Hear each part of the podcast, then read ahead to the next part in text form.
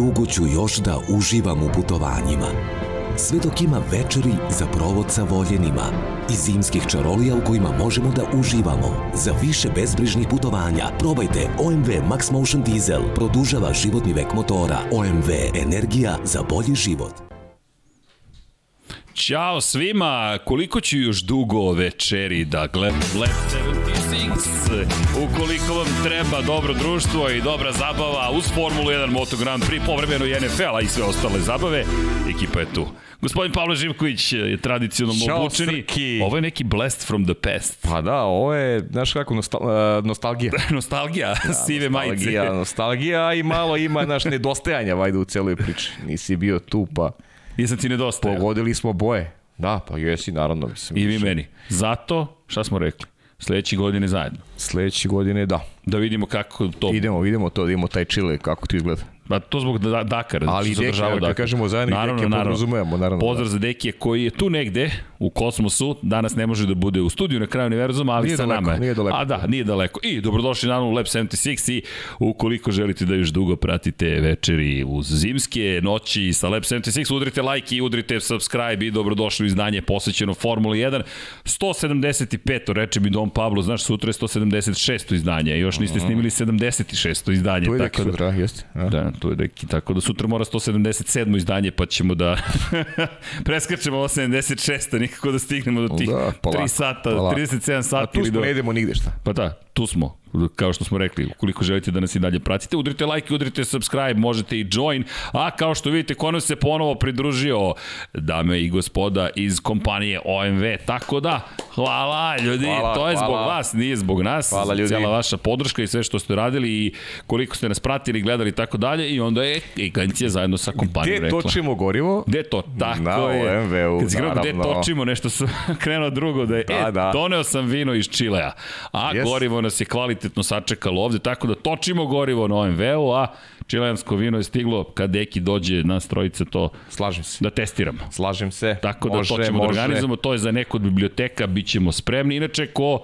je kupio ili najavio kupovinu Valentino Rossi, imamo datum najzad 25. počinje isporuka, ali marta, nažalost.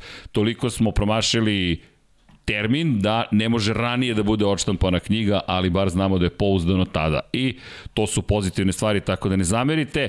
Naučili smo lesson learned, što kažu, ima još nekih lepih zabavnih tu momenta, ali to su dobre vesti, s obzirom na činjenicu smo zaista tu dugo Super. čekali, a veliki je projekat. Stiže i knjiga o Seni, stižu još neke knjige, za one koji ne znaju, kupili smo i prava za Markezovu prvu sezonu, onu šampionsku 2013.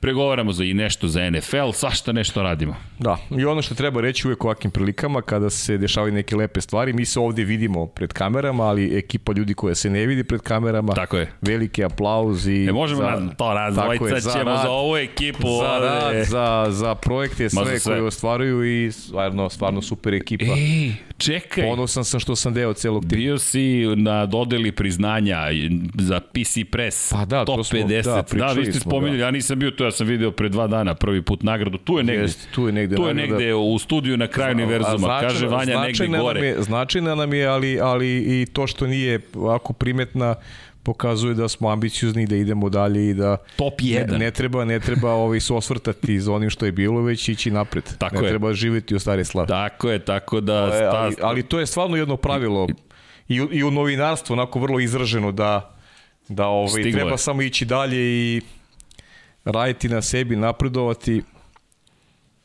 i deliti neke neke lepe trenutke Ma, ovaj. mnogo lepa stvar. Tako je, lepa Ali, stvar. svi smo ponosni, svi. Dakle, i u Kosmosu, i 99 Yardi, u Lab 76, cijel Infinity Lighthouse, svi koji ovde snimaju šta god da rade, tako da, zadovoljstvo dobiti priznanje Jeste. i naše prvo zvanično priznanje i staće negde na zidu. I treba. I treba neko, da stoji. neko onako posebno mesto da istaknemo negde. Ma da, svašta nešto radi. Negde možda uz zid šampiona ovde nije loše. Pa, Šampioni uz, uz žid, zid šampiona, zvuči Može. loše. E, vidi, šampionska, šampionsko priznanje, a i mi pravimo neka naša priznanja. Nego, skupili smo se mi povodom Formule 1, pre nego što krenemo, mazite se i pazite se i vozite računa jedni u drugima, budite dobri.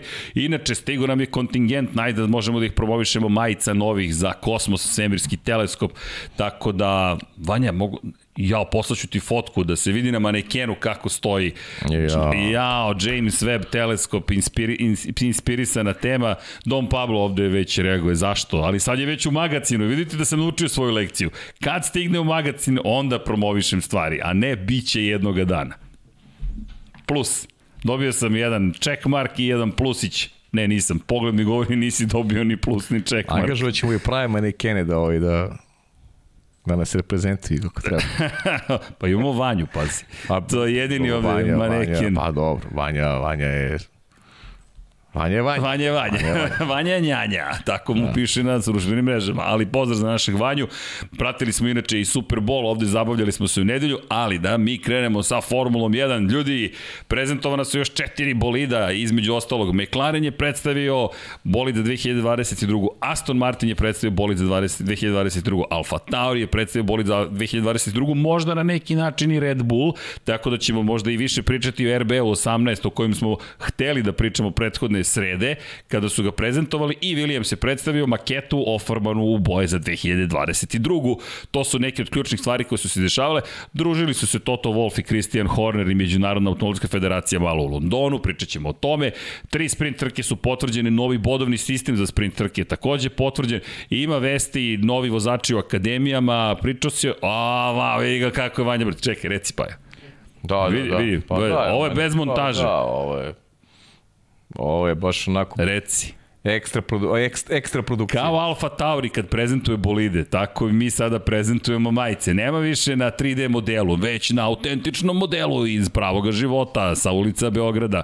Reci. Još malo, pa, pazi, ja ću da su uključim, ali bit ćete, to će biti majice bez stomaka. Sad su majice sa stomakom. Da, to, to su stretch modeli. Da, da, da. Ne, ovi nezgodni modeli. nezgodni, nezgodni modeli. modeli. Ali dobro, a, vidi, to je sve za nas. Dobro, normalno. Vidi, to, ta, tako je situacija, šta čovjek da radi. Tako da, uskoro ćete moći, od sutra ćete ne, moći da su kupite. form, neće biti kao Vanja, ali onako. Bićeš, ali bićeš okay. top. Kao Paja pro od prošle godine. Pazi, ne sam da ti kažem kako nas je pogledao Dom Pablo upravo. pa ne može niko, ne mogu, kako ne mogu budem kao Vanje, to, to, to je nemoguće misli. To, to vidi ga kako se uzbiljio kad ga hvalimo. Za... Da, da, pa dobro. ne, Vanja nam da trening, ne bismo mi preživjeli do sledećeg utorka. Kukali bismo tamo do ponedeljka i onda došli nekako ovde.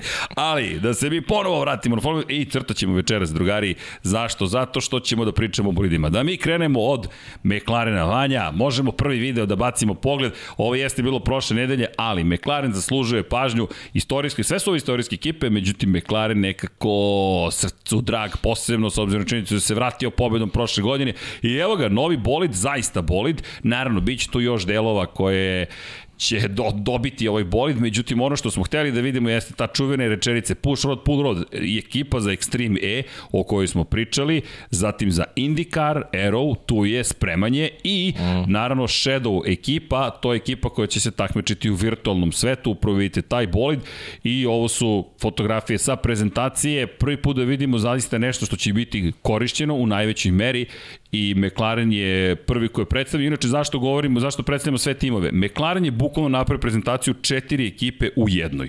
I to smo najavili, To se i desilo, najviše ćemo pričati o Formuli 1, ali je nekako lepo vidjeti koliko je McLaren ambiciozan iz perspektive svega što radi ove godine, da je spojio prezentaciju Formule 1 sa još tri takmičenja, nekako virtualni svet, navikli smo u poslednje dve godine od kada je počela pandemija da je veoma važan, ali IndyCar da dobije bolid prezentaciju, pogledaj kako da, dobro izgleda i još mi to zanimljivo te promene. I jedan, Oreal koristi Formula 1, zaštitni za praktično vetrobran koristi IndyCar, s druge strane Extreme E kao električno takmičenje, takmičenje električni vozili, virtualni svet i sve to zajedno spakovano, sjajno. Pričat ćemo malo više, crtaćemo o tome šta su uradili na ovom bolidu. Nisu svi delovi baš oni koje smo videli kasnije kada su snimali na, na samoj stazi, ali pogotovo ovaj kadar. Ovaj kadar će biti mnogo važan kasnije. Doći ćemo na to da malo crtamo oblike, gde je, kako su ga napravili, gde je širi, gde je uži i naravno IndyCar, ovde nema mnogo priče o aerodinamici, toliko ovde ćemo više pričati o brzinama i o tome što će Juan Pablo Montoya ovaj bolid koristiti na 500 milija Indianapolisa.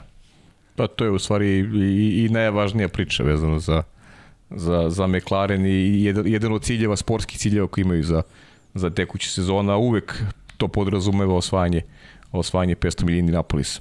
Ključna trka kada govorimo o Indikaru, svako najznačajnija i iskreno ja držim fige, kogledno Pablo Moto i nek se ne navijači ostalih ovaj timova, ali Pa, to- ja, ja, ja sam uskuvan na Pabla Montoju. To ne prenosimo, ne komentarišemo, tu sebi malo dajemo da. za pravo da budemo opušteni, ali činjenica da Juan Pablo Montoya je nekako na sveže kroz Formulu 1, kroz sve ono što je učinio u Formuli Pa 1. iskreno ti kažem, ča, čak, i čak i da komentarišemo neko sebi dajemo onako malo oduška kao i u Naskaru recimo da da, da recimo te kategorije malo, malo eto, dobiju, Drugačije, intimnije. drugačije, drugačije, drugačije posmatramo nego što je to slučaj sa Formula 1. Ipak je Formula 1 onako vrh piramide kada govorimo o automotosportu. B- Slažem se i eto, držite palčeve da, da, da vidimo jednu uzbudljivu trku na Indianapolisu, da će, mi pokušat ćemo da ispratimo na neki poseban način, ali McLaren, da se vratimo mi McLarenu, McLaren pa je o, prošle godine izgledao spremno, zabeležili pobedu prvu posle 9 godina, zadržan je tim, Daniel Ricardo je tu, Lando Norris produžio ugovor do kraja 2025. Bolid, nemamo pojma koliko je brzo, ali ne, dobro izgleda. Da, ne znamo ništa i, i on jedino što, što meni onako ostavlja neku, neku enigmu, to je taj finiš prošle sezone. Da li je to bila posledica pripreme za 2022. godinu ili i ne znam šta se dogodilo da su nakon Rusije postali onako slabi, da su, da su izgubili onu laganu bitku za treće mesto sa Ferrarijem, iako su izgledali kao, kao i favoriti, kao ekipa koja, koja je tokom čitave sezone i iz mog ugla bila i bolja, spremnija od Ferrarija na čelu sa, na čelu sa Landom Norrisom. Čekamo početak sezone sa velikim nestrpljenjem. Jedna od najvećih za mene enigma je upravo, upravo McLaren I, i, šta će oni doneti šampionatu naredne godine. Čitamo, svedoci smo izjava i Daniela Ricarda koji kaže da želi da preuzme primat u ekipi, da je spreman da, da on bude taj koji će, koji će ovaj, imati tu neku lidersku ulogu.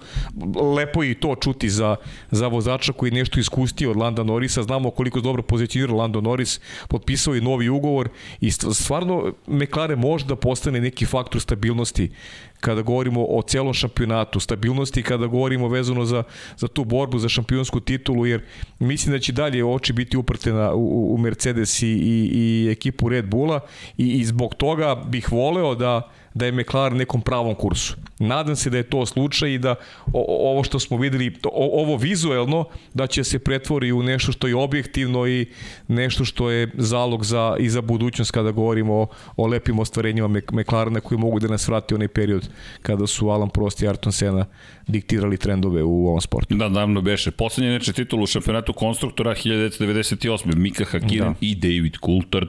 David Coulthard, eto ime koje spominjemo dosta često u poslednje vreme iz perspektive toga što je komentator, Mika Hakkinen nije toliko eksponiran, ali eto, David Coulthard, eto, koliko si kad ukaže prilika da, da s nekim od njih pričamo, to bi bila Bilo bi super, čast. da. Zamisli Coulthard ili Hakkinen. Uhu, neko je pitao za Nika Rosberga. Stupili smo u kontakt s ekipom Nika Rosberga, pa eto, dobili smo odgovor za sada konstatovani iz Infinity Lighthouse, zahvaljujući vama opet i hvala na toj kampanji na Twitteru, šta ti je moć društvenih mreža, a i hvala vama na, na podršci koju ste nam dali kroz to, da prosto želite da u Lab 76 dođe neko od njih. Ali, da se vratimo McLarenu, 1998. poslednji put u svoju titulu, ovo je druga sezona kada je reč o korišćenju Mercedesovih agregata u hibridnoj eri. Mm -hmm. Dakle, prešli su prošle godine na Mercedes, bili su veoma uspešni iz perspektive toga da je bolid dobio potpuno novu pogonsku jedinicu i ipak zadržao, da kažemo, izgubio jednu poziciju. Treći su bili pre dve godine, to ne smemo da zaboravimo, evo za Nekija. I četvrti jesu bili, ali su delovali sjajno. E sad, ovaj bolid, kada ga pogledam malo bolje vanja, hoćemo malo da crtkamo, samo imamo par stvari koje hoćemo da istaknemo, još uvijek je rano, ali čujte, deca su uzbuđena, ovo smo dugo čekali, ti reci vanja kad budem smeo, moramo da namestimo sistem, čekaj da vidimo da li, sam, da li se vidim negde, da li se vidi, ne, ne, ne vidi se, opa, evo me, ali sam naopački stavio tablu, čekaj. Čekaj, čekaj, sad ćemo da nacrtamo par stvari. Hoćemo da istaknemo par momenta koji su važni. Nek ostane onaj deo crteža, čekaj samo da okrenem, nadam se da sad to stoji kako treba. Ne zamerite malo, ali dugo nismo crtali, bilo se u Čileu i tako dalje. Imate pozdrav u cijeli ekipi iz Čilea. Elem, da imamo gde smo mi u ovoj priči. Ne, ko za gde sam crtao, a? Negde crtam van ekrana, ne zamerite ljudi, ali umeđu vremenu udrite like, udrite subscribe i naravno podržite celu ekipu. Ko hoće neka poseti Patreon, smišljamo način, evo dajte nam predlog kako najbolje da ispoštujemo ljudi koji su na Patreonu, jer smo došli do stadijuma kada čitanje zaista potraje, a opet hoćemo da sve ispoštujemo. Opa, to, tu smo, Vanja, a? dobro, mogu sad da crtam. Ja ne crtam, nemam pojma dakle sve ovo došlo. Ok, da resetujemo ceo sistem pa da probamo ponovo. Da probam sad. Ajde vidimo. Opa, evo me, može jedan undo. Može jedan undo da probam da vidim da li sam, da, gde sam. Ok, nisam daleko. E, ovo ovde, obratite pažnju na ovaj deo ovde. Ej, vidi, nisam loš. Dakle, obratite pažnju, opa, pobeže ovo. To sam otišao do kraja ekrana, verovatno. Dobro. Možda da pokušamo iz početka. E, htovanja. Dakle, čekaj da nađem gde sam sada. Evo ga ovde. Obratite, to je kraj ekrana. Dobro. Ne vredi. Ovaj deo tu mora da se pomeri ekran više na levo ili da pokušam nekako drugačije. Ne zamerite, malo se igramo, evo me, evo uspeo sam. Ok, crtam dok mogu. Odavde, dakle, ovo je kraj bolida, ovde imamo kraj bolida, ali čuveni oblik, jel te, Coca-Cola boce, ostaću ovde da crtam i to je to. Dakle, evo ga ovde krajevi bolida. Zašto? Brate, pažnju koliko je, koliko je uzak ovaj bolid u suštini pred, pred na samom kraju. Dakle, ne, ne, tu sam vanja, bez brige. Ovaj ovde deo, eh, malo drugačije crtam koliko je uzak, spakovanje Mercedesov agregat na način na koji Aston Martin to nije učinio. I još jedna bitna stvar na koju bih skrenuo pažnju, to su ovi ovde splajseri.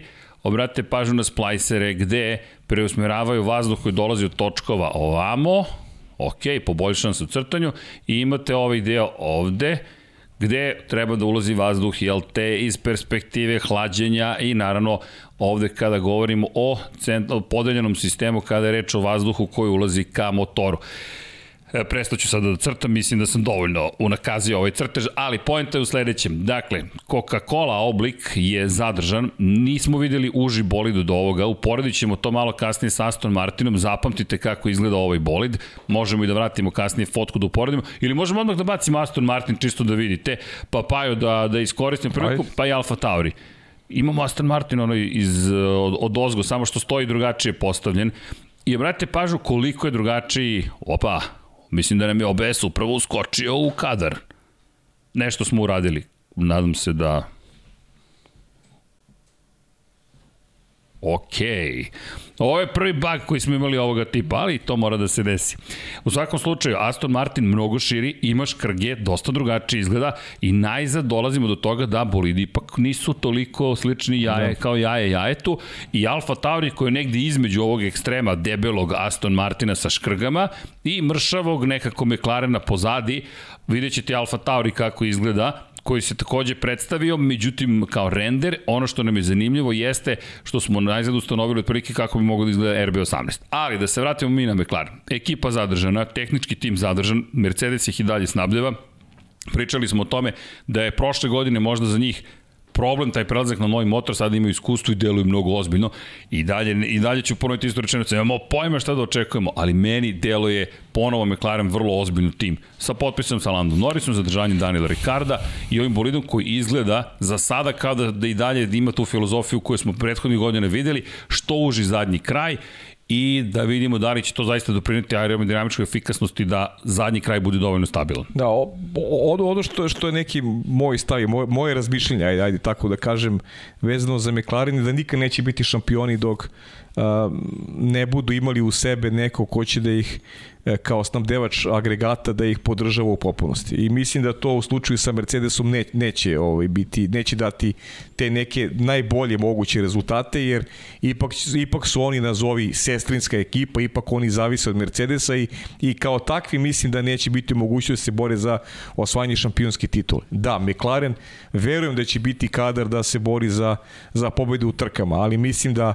da neki uspeh koji podrazumeva i, i borbu za titulu zavisi od toga kako će percipirati budućnost, kako će se snaći u tamo od perioda od 2026. godine i verujem da oni tu kroje planove koji ne podrazumevaju Mercedes kao a, tog nekog kritičnog saradnika, saradnika sa kojim, sa kojim žele da se pozicioniraju kao najbolja ekipa.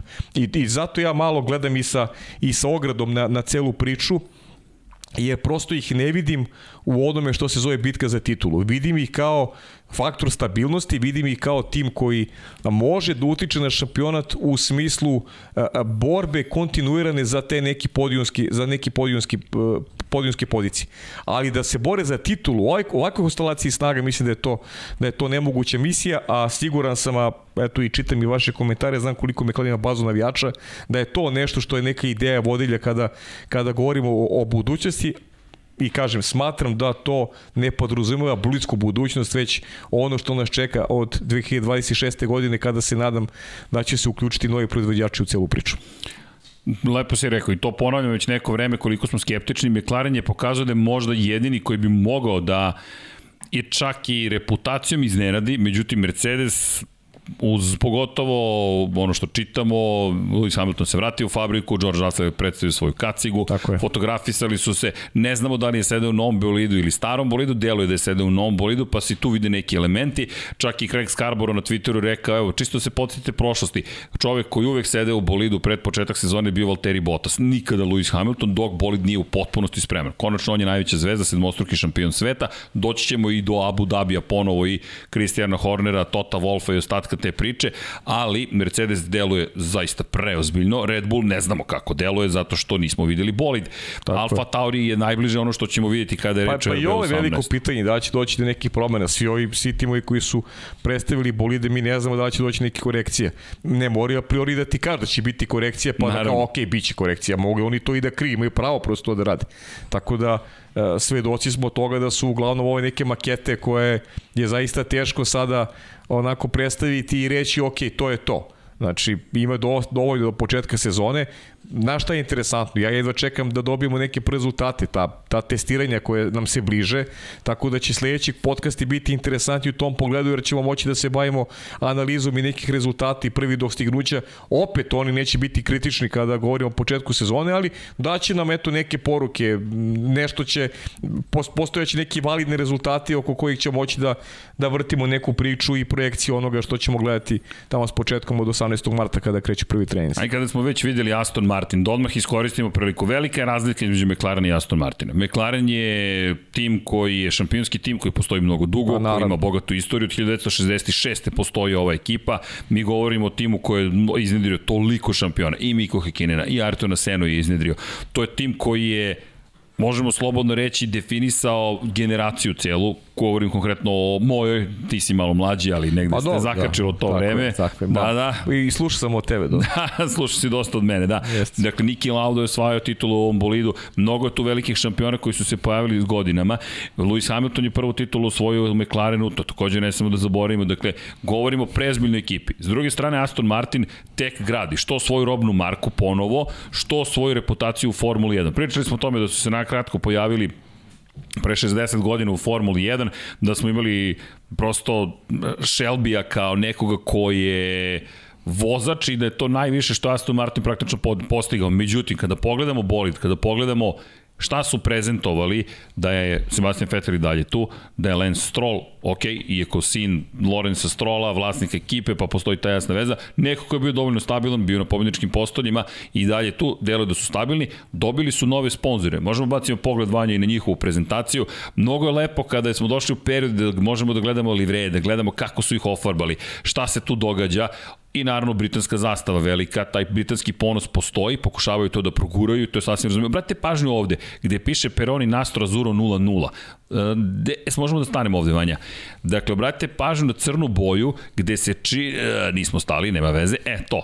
Dakle, kada govorimo o crnoj boji, obratite pažnju na bočne otvore za vazduh.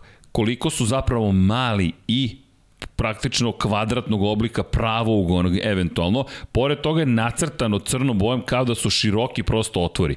Deluje da zapravo je veliki broj bolida gotovo identično rešenje načinio, gde pokušavaju što bliže bokovima da približe otvore, govorimo već o tehničkim aspektima, obratite pažnju na pokrove, prosto kako su pokriveni točkovi, 18 inča od ove sezone, ovo je bolid koji bi trebalo oni da koriste i ovo su već prve neke naznake. Obratite pored toga pažnju na, e ovde možemo da stanemo, na to kako zapravo prednje krilo i površine aerodinamičke prednje krila ulaze u nos. Bukvalno od ove godine imamo potpuno drugačije prednje krilo, gde glavni elementi ulaze u nos, imate pravo na četiri praktično površine, da koristite maksimalno četiri površine, ne može da bude 18 površina ili više površina ili manje površina kao prethodne godine. Zapravo manje nisam siguran, moram da proverim tehnički pravilnik, ali dosta drugačije izgledaju bolidi. Međutim, nisu uopšte toliko loši kao što smo se plašili u jednom momentu. Naprotiv, evo ih i škrge. Obratite pažnju na škrge. Inače, ove škrge su na, na tokom dana, test, ne testiranja, dana snimanja, imate pravo 100 km tokom dana snimanja da budete na stazi, su zatvarali te škrge. Tako da deluje da će hlađenje biti kritično ove sezone. Možete ih ovde videti u ovom renderu, vrlo lepo izgleda.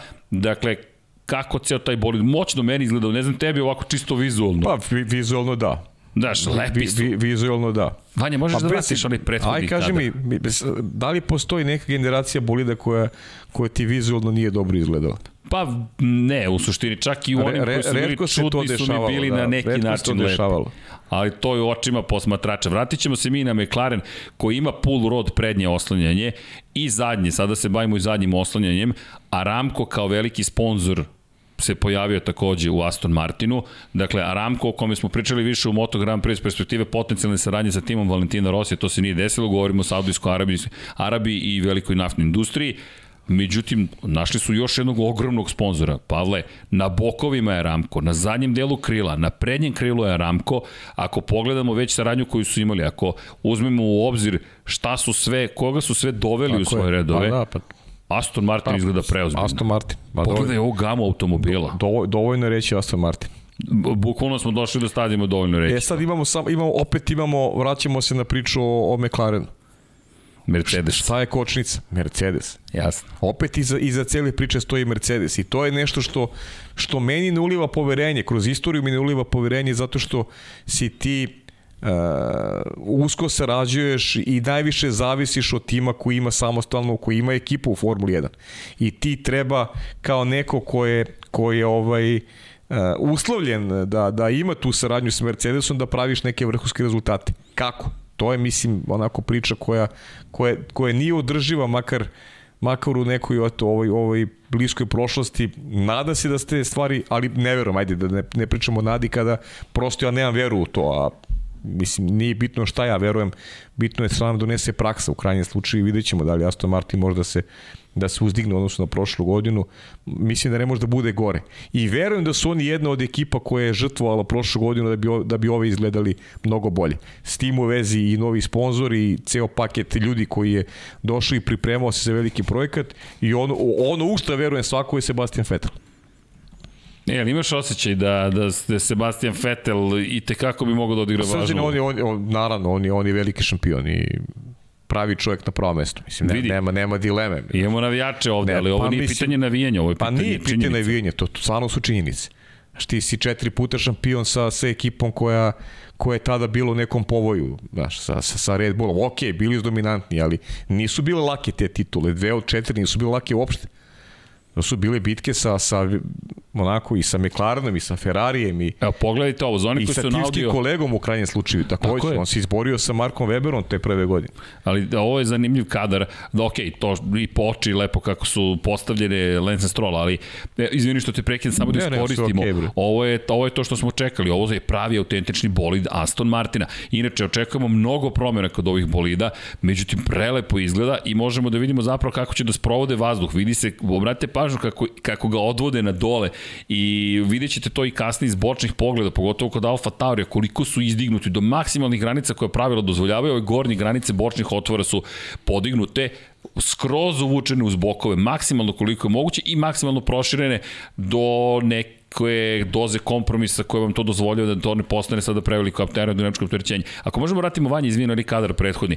Za one na audio platforma sada iz bočne perspektive posmatramo bolid i tačno se vidi kako je napravljeno sve tako da se vazduh podvuče ispod bočnih praktično otvora za vazduh, dole ka podu, ka gornjem delu poda i stvori naravno polje u ovom slučaju visokog pritiska kako bi pritisnu bolid na dole. Inače ovdje gde piše Aston Martin, gde je crno sve, ispod ove žute linije je taj čuveni tunel koji ćemo imati ove godine i sa jedne i sa druge strane koji će generisati taj efekat tla, gde imamo zavesice de facto i naravno da su tek prvi testovi. Ono što je zanimljivo, dosta visoko postavljeno krilo, otvara dosta prostora za vazduh upravo ka donjem delu. Ono što je tu problem, što se gubi, dosta se gubi na nizgonu zapravo prednjeg krila. I pitanje je koliki će biti aerodinamični. Obratite pažnju ovde koliko je prednje krilo izdignuto. Pobeglo nam je, ali nema veze. I, i izdignuto je prednje krilo mnogo, I to, je sad, to su sad različiti pristupi. Inače, kraći je nos iz ove perspektive Aston Martina nego što smo možda očekivali. Kod Alfa Tauri je drugačije. Mnogo izdužen nos, i dosta nisko spušten prednji kraj. Opet deluje da je to utice, naravno samo RBA 18, ne znamo. Inače, e, hvala Vanja. Uš, ponovo ti, ponovo pobeže. To je sad igra Igra prstiju, to Vanja, evo ga, brzi je bio Vanja. Dakle, prednji kraj, prednje krilo, mnogo je izdignuto. Kada smo poslednji put videli ovoliko izdignut prednji kraj, ne pamtim, moj utisak je zapravo da pokušavaju vazduh što više da sprovedu dole, zašto mislim da je tu bitan Sebastian Vettel? Ovo je samo nagađanje iz studija na kraju univerzuma, ljudi. Sebastian Vettel je sve titule osvojio kada mu je bio zalepljen zadnji kraj za tlo. Kada je bio zalepljen, bukvalno kao da su uzeli čekić i prikovali ga zadnji taj kraj za tlo. Kada nema toga, kod Sebastiana Vettela tu postoje problemi, ali to je samo nagađanje. Inače, se pažnju na zadnji krilu, vidi se i primjera DRS sistema. Tako da imamo prve fotografije Formule 1 i to ono što je super. McLaren pravi bolid predstavio, Aston Martin pravi bolid predstavio, Williams Williams nije predstavio pravi bolid, ali još nemamo te fotografije, makar ne legalno, tako da ćemo to sačekati. Na stazi su izašli sa svojim pravim bolidom, iako su maketu koristili za prezentaciju boja, ništa mi nije jasno. Dakle, jednog dana, istog dana prezentuješ bolid koji je lažni i onda izađeš na stazu sa pravim bolidom. Kako god, ok. Možda žele da izbjegne fotografije visoke rezolucije da, da, da. iz studija i zanimljivo Mislim zanimljivo da su poučeni iskustvom i ovih prethodnika koji su takođe varali po znacima navoda.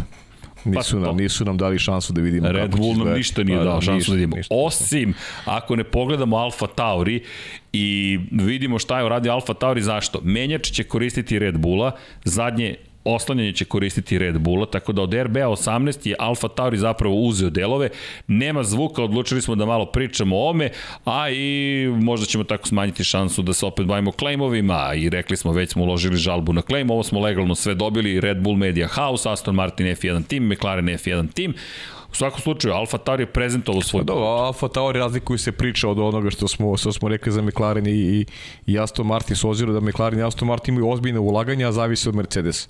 Alfa Tauri zna se koncepcija, razvoj mladih igrača iz akademije, vozači iz Akademije Red Bulla i ekipa koja može sa Pierom Gaslyem da pomogne e, Red Bullu i tekako u toj borbi za šampionsku titulu. Tu, su jasno podeljene uloge i Alfa Tauri je uh, ima, ima definisan odnos sa, sa, sa ekipom koja je, ajde da kažem, sestrinska i ona koja je u stvari glavna u šampionatu. Ali Me, McLaren i Aston Martin, e, pogotovo McLaren, ajde Aston Martin ima mnogo veza sa, sa Mercedesom, mislim da McLaren mora da traži izlaz iz, iz te saradnje sa Mercedesom kako bi u, u, se borio za šampionsku titulu neko dogledno vreme i ubiđen sam u to da McLaren na tome i radi. Inače, ovo dovanje deluje kao da bi trebalo i poslušati, jel ti se smeje brk, vidim da se, da se osmehuješ, hoćeš, hoćemo da pustimo iz početka sve sa zvukom, deluje kao da će biti vanzemaljski. Evo, publika ovde iz studija i Srđan i Ivan dobacuju. Vanja, ako ti kažeš, pusti muziku, ali pusti i nama. Evo, uživajte.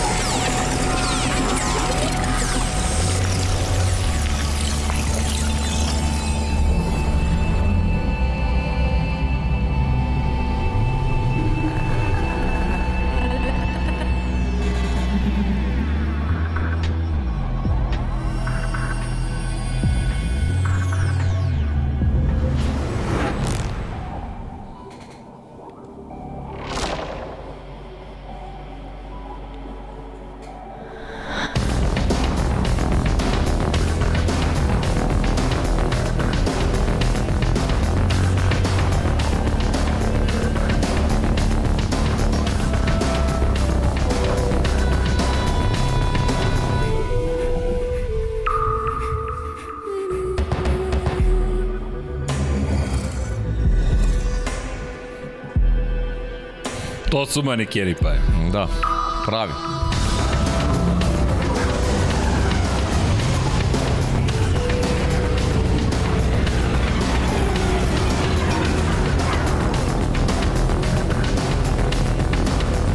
Vidiš šta to piše pozadnju.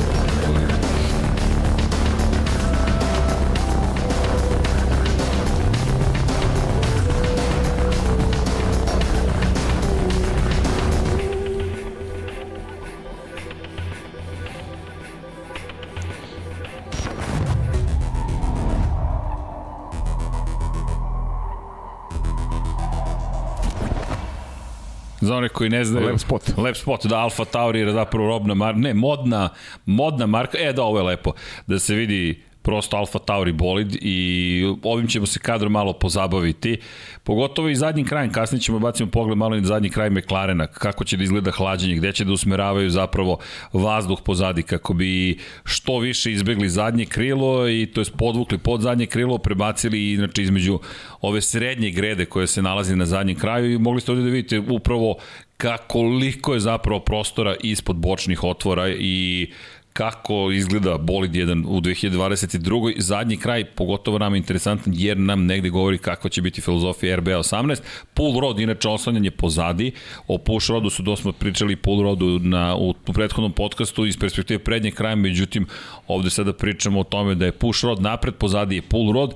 Ne znamo da li će to biti filozofija za RBA 18 napred, ali znamo sa velikom pouzdanošću da će biti za zadnji kraj. U svakom slučaju, Alfa Tauri opet invertovo boje. Što je bilo crno, to je tegec, sada je belo, što je bilo belo, sada je tegit, tako, to je obrnuto. Ali u svakom slučaju, Alfa Tauri eto prezentovo bolid i kada pogledamo fotografije, pogotovo iz bočne perspektive i iz ptiče perspektive možemo da vidimo koliko je filozofija slična, ali opet drugačija. E, hvala Vanja.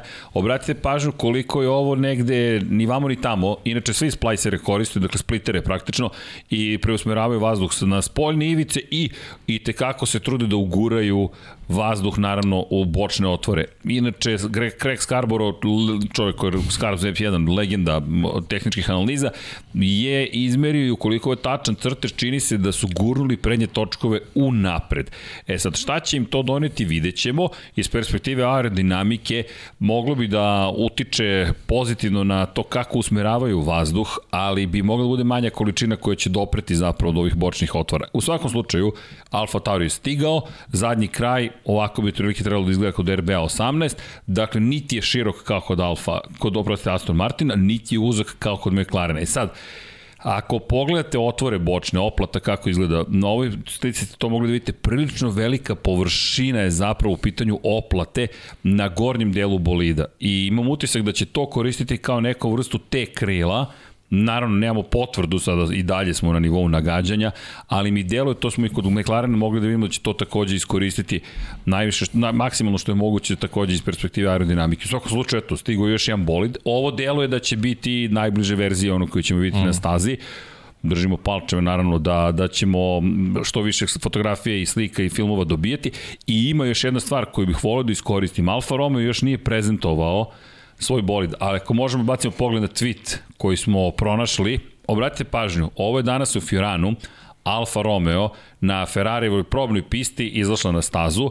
Ovo je motorsport.com tweetovao, inače Jonathan Noble, Noble F1, zapratite čoveka, javni je, jel te, javno dostupno, pa vam ovo puštamo, ne možemo da prikažemo website, nije naše vlasništvo, ali Zanimljivo je na ovoj fotografiji, ukoliko obratite pažnju tamo gde je ispod Orlen, pa malo levo ka crvenoj boji, ima zakrilce na bokovima poda.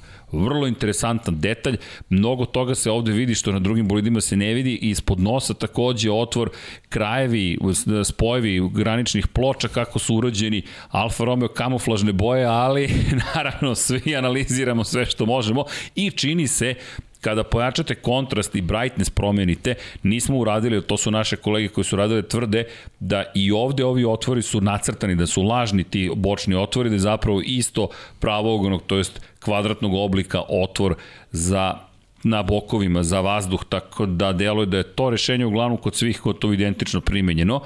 Dobro izgledaju ovako. Da, ali meni se sviđaju te njihove kamuflažne boje, baš smo pričali, mislim da će Red Bull tako da se pojavi, ali evo, Alfa.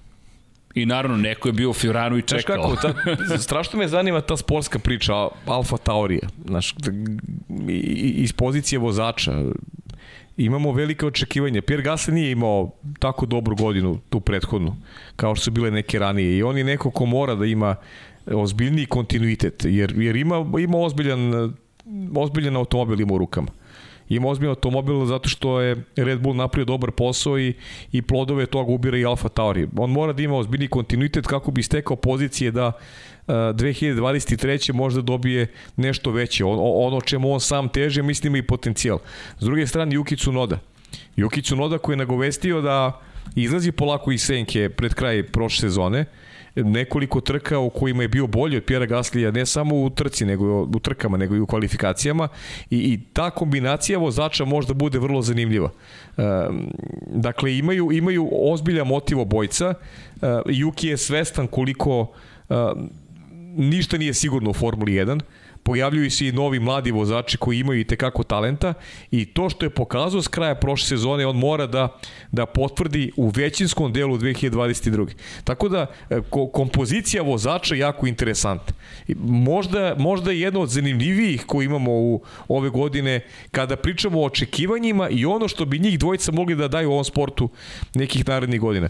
Ja mnogo više naravno očekujem Pjera Gaslija jer njega vidi kao neki projekat koji ajde možda da ne, da ne pričamo o borbi za šampionsku titulu, ali svako jedan, jedan stabilan vozač u nekoj većoj ekipi e, definitivno, a Juki Tsunoda koji je lično mene malo iznenadio tim svojim dobrim vožnjima s kraja prošle sezone, gde je, gde je nagovestio da je taj neki period trene, treme, adaptacije, kako god e, prošao i, i mislim da sa, da sa mnogo više samopouzdanja mora da uđe u ovu godinu i, i pogotovo što on ima dobar odnos sa, sa Pierom Gaslijem. Dakle, napravili su jednu dobru saradnju, postoji jedan dobar timski duh koji mene podsjeća na onaj period gde god je recimo Lando Norris, on je uspevao sa timski kolegu da napravi jednu dobru onako simbiozu i, i izvan staze da se lepo druži sa timskim kolegom i to je mnogo bitno za, za dobar rezultat. E, to ima Alfa Tauri, e sad je samo ostalo Francu Tostu da ovaj kroz taj neki, da kažem, rad u garaži i pripremu bolida, da, da, da momke dovede do situacije da i oni taj, taj automobil osjećaju dobro i da, i da sprovedu delo ono što su očekivanja, sigurno su očekivanja velika. Pazi ovako, šesti su bili u šampionatu konstruktora prošle godine. Šesti su bili pre tri godine 2019. Tako je. I to su najbolji rezultati i 2008. su bili šesti. Dakle, to je njihov najbolji rezultat izjednačen prošle godine uz sve probleme koji su imali. Da, propuštene su šanse, međutim kada pogledaš, Alfa Tauri je mogla da bude tu ispred Alpine. Alpinu je ugrozila, 13 pojena samo razlike na kraju. To je četvrta, peta pozicija na kraju poslednje trke. Kad je sređen Alfa Tauri mogu da su oslini jednog vozača u tako dugom vremenskom periodu kao što je to slučaj sa Pierom Gaslim? Mm, ja... Njima su vozači uglavnom odlazili. To je uglavnom bio odlazak, prelazak u Red Bull ili, ne znam, e, davanje šanse nekom novom mladom vozaču. Pierre Gasly je neko već ima ime i prezime. Pierre Gasly ima pobedu u šampionatu. I to sa Alfa Tauri. Sa Alfa Tauri, to je ozbiljan, ozbiljan zalog koji, koji, koji ima neki, jedan mlad momak koji želi da, da, da, da ostvari nešto veliko u ovom sportu. I zato ja očekujem, mnogo očekujemo od vozača. Jer mi ne možemo da pričamo sad o bolidu, šta će taj bolid. Mi možemo samo da prepostavimo kako će, to, kako će stvari da izgledaju, ali, ali nemamo opipljive informacije da govorimo o tome koji su, koji su realni dometi. Ali možemo srđeni da pričamo o, o, o vozačima. Jer, jer o, ja se nadam da će uloga vozača biti sa novim pravilima mnogo veća nego što je bilo ranije. Jer to je to treba da bude svrha sporta da neko ko je, ko je za upravljačem bolida, da on pokaže tu neki kvalitet, nešto što ga razlikuje od, od ostalih, da to bude takmičenje vozača, a da ne bude takmičenje bolida. Pazi, ja. Nešto smo imali ranije priliku da gledamo, nešto što po čemu je Formula 1 i postala prepoznatljiva, zbog čega smo i, i negde kreirali slike o svojim idolima kad smo bili klinci. Mora bude uloga vozača veća. Ajmo ovako, Max Verstappen 2015. godine u Toru Rossu, 49 poena i tad smo već pričali, ok, Jeste. ozbiljan momak, šta sve može da se postigne, šta bi mogao ovaj momak da uradi. Prošle godine u Alfa Tauriju preko 100 poena Pierre Gasly, 110 bodova. Mi govorimo o ukupnom skoru, to jest ukupnom rezultatu 142 poena na kraju sezone, 110 je došlo zahvaljujući Pierre Gasliju. Imam utisak da si, da si sve lepo pisao, samo bih ovako slikovito to rekao. Imamo vozača prve kategorije u timu treće kategorije Može tako da ne bih ga stavio u drugu, mislim da su prva kategorija Red Bull, Mercedes, to je Mercedes pa Red Bull kao branilac titule, pa Red Bull. McLaren, Ferrari, druga Tako je, kategorija. Alpina Pravo eventualno i to je Slažem to. se. I onda imaš treću kategoriju. I ti imaš čoveka koji je za prvu kategoriju i tu je. I to pokazuje sve. I mislim da si super ovo opisao. I Gasly I sve se slaže s tim što ne znam Aston Martin u kojoj kategoriji da Ne znam, ne znam da, ja. Da li je to druga ili treća kategorija? Racing ne znam. Point je bio treća sa tendencijom da bude druga Da. kategorija. Aston Martin je više posto treća s tendencijom da ode još niže od toga. Pa da, Aston Martin bi trebao, pazi, Aston Martin toliko uložio i toliko ljudi doveo da, da je to tendencija da budu druga kategorija. Da podsjetimo, Marko Matijači došao Marko, tako je, pričali smo u, u o tome. Pa ti si pričao Marko Matijaču, prošli put, da. tako je. Ali, ali je, znaš, tolika ulaganja, ti mora budeš na osnovu ulaganja bolji od Alfa Tauri. Ali Pa da li će, da, ali će da bude, da li, to, moraš. da li će to biti standard zaista? Pa nisam siguran. Pazi, 77 pojena prošle godine Aston Martin. Da. To je korak unazad. Ti si bio sedmi u šampionatu sveta, a od ekipe koja je bila treća pre par godina, Racing Point, Force India, kako god da ga zovemo, bio ozbiljan tim. Pritom moram ti kažem Uvijek. iskreno, ja, ja bih, kada pričamo o, o parovima, znači o vozačima, ja bih preuzeo vozače Alfa Taurija nego vozače Aston Martina.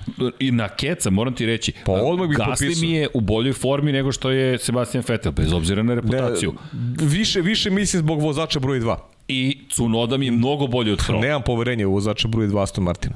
A Cunoda je stekao poverenje na kraju. To je ono što se lepo Stekao, rekao. da, stekao je, stekao je. Znači, pokazao je nešto što, pokazao je nešto što ga odvaja od, od, od uh, prosečnog vozača. Bar nije dosadan. Znaš, Ako da. smem tako da se izrazim. Pa Sa nije, Jukim nikad nije dosadan. Ne, ne, mislim da na nije njegove dosada, psovke, nego, nego, na pričamo, koji postupa. Ma ne, to psovke, to su gluposti, to je, to je kako ti neko kreira, mi to smo pričali smo o Pa, tom. naravno, mitologija. Znaš, ne, ne, neko, neko je nametno kao, kao Juki, Juki psuje i onda stalno forsiramo, znaš, kao da drugi ne psuju, nego pravimo sad, eto, njega, njega su ovako Izdvojili. kao mlađeg izdvojili, mislim da to nema veze. I govorili smo o tome, mislim, u sportu, super psovke su meni... kao pojedinac. Meni su neka psovke u sportu i, i, i ja, ja ih volim, zato što pokazuju emociju neku, znaš, to nema, nema tu zle namere, to je emocija samo. Znaš ko je pričao o tome? Casey Stoner. A pazi o, če, u kom sportu je pričao.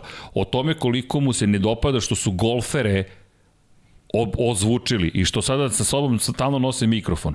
I Casey Stoner koji kaže, ljudi, on mora da se skoncentriše. On udari pogrešnu lopticu, on ne može ni da opsuje. Ne možeš ni da se Ma, bre, isprazniš. Casey je skroz Pazi, u pravu, to pričamo stalno o tom. Suludo. Bilo kog sportistu ozvučiti je ono promašena priča. Ili- to, to nema veze sa mozgom, znaš, to, to je borilište, ti hoće pobediš. Na- na- Znaš gde, gde možda vidiš možda karakter koji je onako možda nije pravi i kad vidiš da neko ne ume da podnese poraz, pa završi se takmičenje, nije spreman da pruži ruku, da, da čestita pobedniku. To je nešto što nije dobro. A kad na borilištu imaš reakciju, pa to je ljudski, znaš, to je, to je ljudski potpuno. Slažem se. Jer vidi, to je to, to tra, tražimo od sportista da budu ekstremno agresivni, ekstremno uspešni, Pa da. ekstremno brzi, ekstremno sposobni. To je granica pucanja pod pritiskom. Tako je. Casey koji u tom sjajnom intervju podcast obavezno ljudi pogledajte 4 sata trajali isplati se govorio ljudi meni se povraćalo iz krivine u krivinu. Ja sam hteo da umrem posle trka u momentu kada se borim za titule šampiona sveta. Toliki je pritisak da ja, ja to kažem više nisam mogao da podnesem. I o tome često pričamo, psihičko zdravlje je mnogo važno. Jest, Ovi jest. momci su iz, izloženi tome do maksimuma i onda ne smeš da opsuješ. Pa to je ono što pa pričamo, ja Čudno. pričamo sad Lewis Hamilton. Izgubio titul na koji način? Otišao, čestitao, smirio se, čestitao i to je, to je, to je reakcija šampiona. I tako bore se ponašaju sportisti. Ti što uradiš na, na borilištu i, i reakcije tokom trke, Pa normalne su reakcije tokom trke da ti kažeš i nešto što, što inače Što ne bi nisi se rekao. iznervirao, Zato, inače. pa naravno. Naravno sam se Pa iznervirao. pazi, šta mi kažemo u nekom sportu kao navijači dok gledamo neki prenos? Čekaj, A pa je, zamisli kakva je, kakva je refleksija na, na momke koji se bore za veliki ulog. ja se stalno vraćam je- na je mali futbol i basket. Ma Šta da, ja- kažeš ma na malom futbolu ne, i pa basketu? mislim, ja- ja sam Ne da- tu tek. Ne, nadam se da niko nikad neće snimiti ni jednu utakmicu. Da, nisi igrao sa mnom mali futbol, tako da, ali, ali bitno kako reaguješ posle. Pa da. Znaš, to je, to je Dok je tu, to je arena neka u A kojoj se borimo i to je kraj priče. Posle toga izlazimo. I izlazimo iz toga i čestitaš nekom ko po, uvek pobedi bolje. Pa da. I to je, to to, je to. suština sporta. I uh, apropo Luisa koji je otišao, otišao je čovjek da se opusti, da, da, da, da smiri svoju glavu. Izgubio si titulu u poslednjem krugu posle 22 trke i neko ti kaže, "Ej, ajde budi na društvenim mrežama. Neću. Pa naravno. Neću, hoću da, da bude, hoću da se, is- da, da Tako ne znam, isključim, skuliram, hoću hoću tako, hoću da tako, idem negde na i to planinu to. da ne zna niko gde sam. Tako je. Pa, pa normalno. Ali, apropo Jukija, Juki je pokazao da ima dušu trkača. To ono što se meni dopada kod njega. Da, Jest, i greši, jest. svašta nešto se događa, ali je bio super na kraju. I naravno HRC piše na Alfa Tauriju, opet Honda Racing Corporation, to jest Honda Racing je tu i Honda koja sve više i više potvrđuje da je zapravo ostala u Formuli 1. I za razliku od Aston Martina i McLarena, ti ovde imaš fabrički zapravo tim. Jer ti si zapravo juniorska ekipa velike Red Bull kompanije, ekipe koja sa Hondom i tekako ozbiljno sarađuje. Tako da ti si na pravom mestu u pravo vreme, a i kao što si rekao, nije ti ni posao da osvojiš titulu, posao ti da pripremiš neke vozače. Da, zna se, zna se šta su, šta su pravili igre kod njih i to je ono što, što ih razdvaja u odnosu na, rekao sam, McLaren pogotovo, mislim, McLaren ja sam negde i osjetljiv, i obojca smo osjetljivi, zato što pamtimo taj period kada je McLaren bio najjača ekipa i nekako od njih očekujemo da se vrati na taj, na taj kolosek, a meni zbog toga smeta ta saradnja sa Mercedesom, iskreno. Zato što ne vidim tu za njih ne vidim veliki ulog za njih. Mogu samo da se ne da čekaju. Pa da. Bukvalno I mogu samo oni, da da mogu, čekaju. oni, mogu oni čak i da poboljšaju skoro odnosu na prethodnu godinu.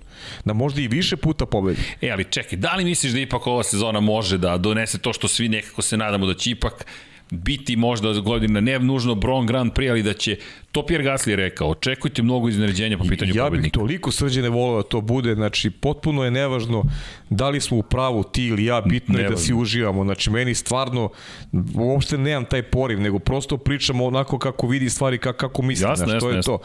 Ne želim da budemo u pravu, želim da imamo 23 različita pobednika. ok, Ja bih to volao da bude, da, li- da li je to izvodljivo? Mislim da nije.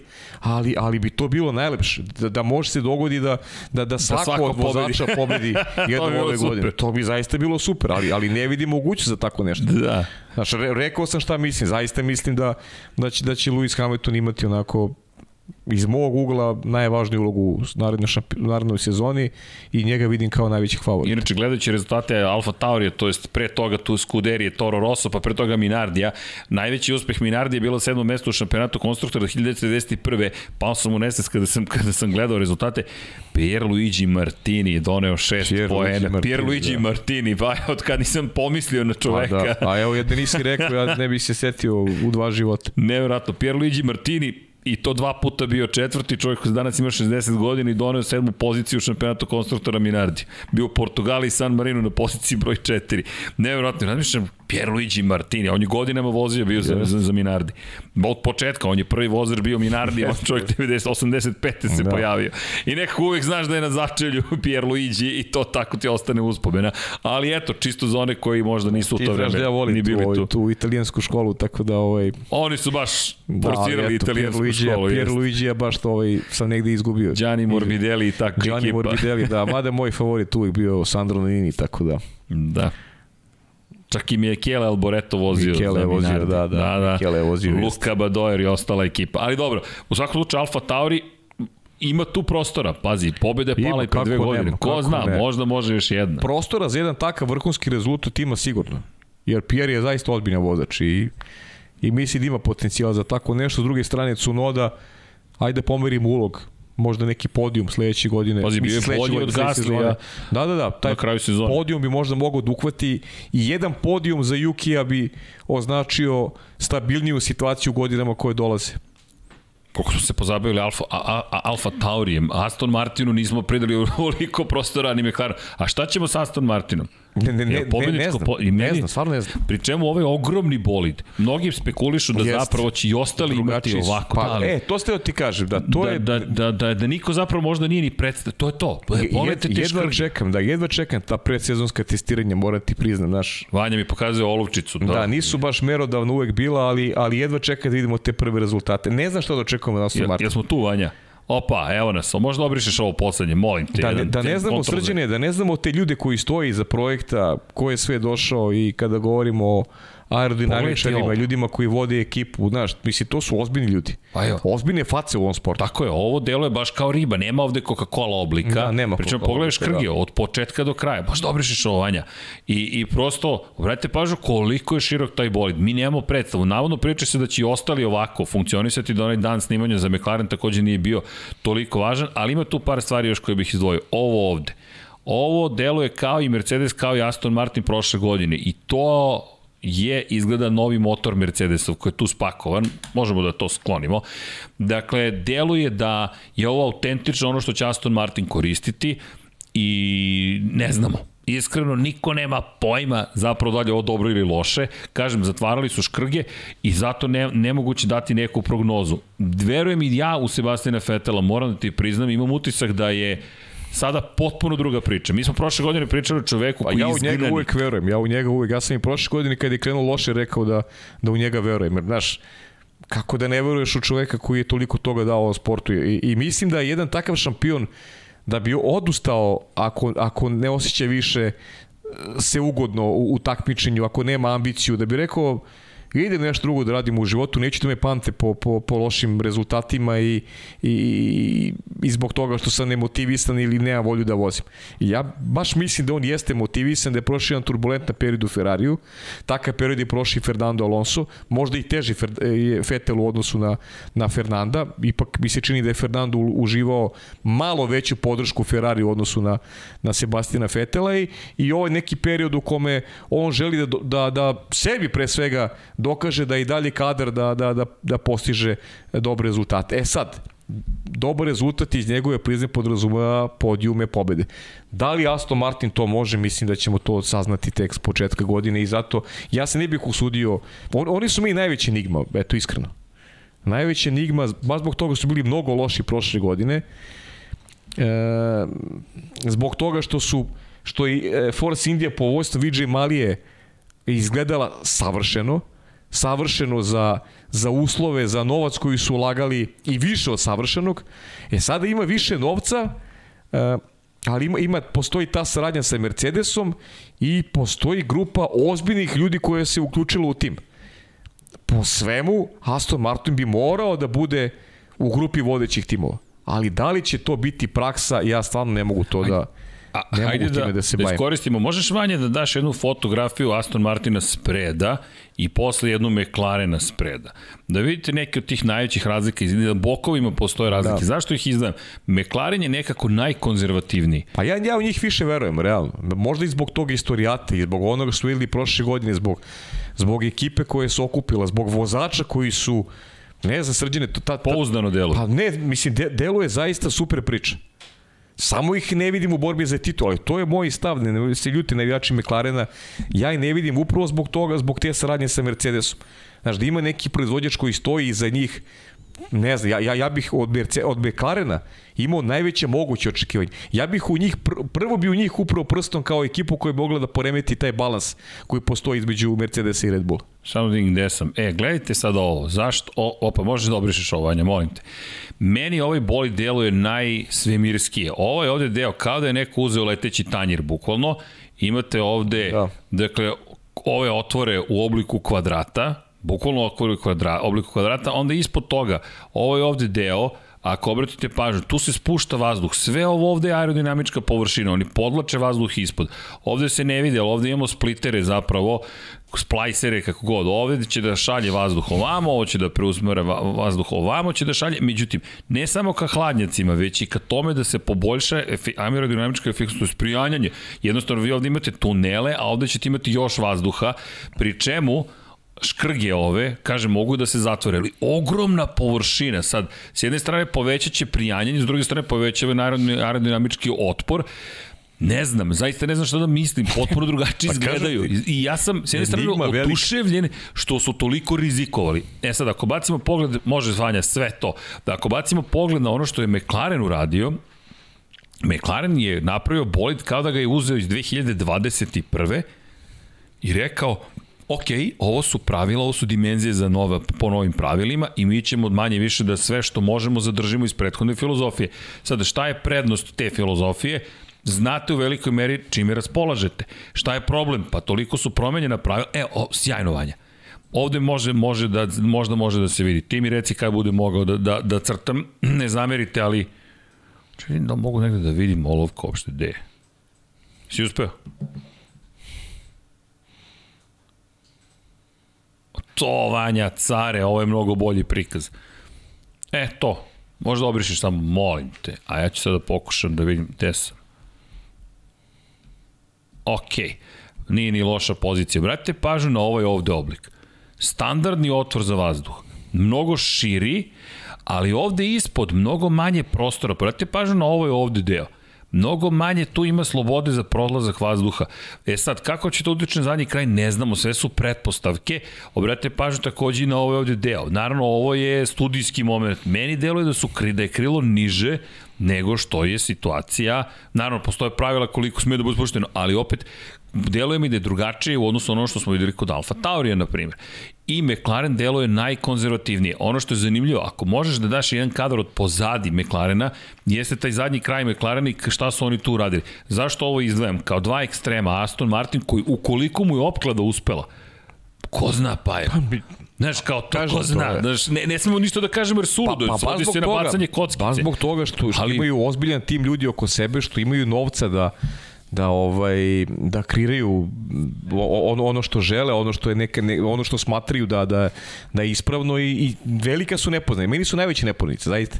Ne ne znam šta od njih. Da Znaš, ne, nema, nema nekog, nekog jasnog ono a, vidljivog a, nekog materijala, aj tako da ga nazovem, koji bi rekao, koji bi mogao da potkrepi super neki optimizam i, i, iz, iz njihove perspektive. Pogotovo što je prošla godina bila taka kakva jeste. Jer mi opet samo prepostavljamo da su oni onako čuvali po znacima navode resurse da bi, da bi se pripremili za, za tekuću sezonu. On, on je oče bio prošle godine. Sva, zaista oči. Sa tih par dobrih trka Sebastijana Fetela, cela sezona je bila katastrofa za, za Aston Martin.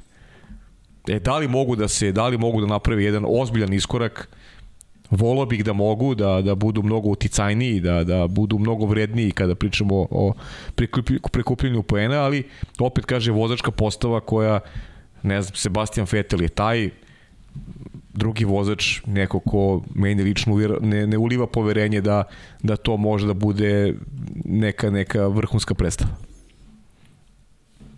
To je to?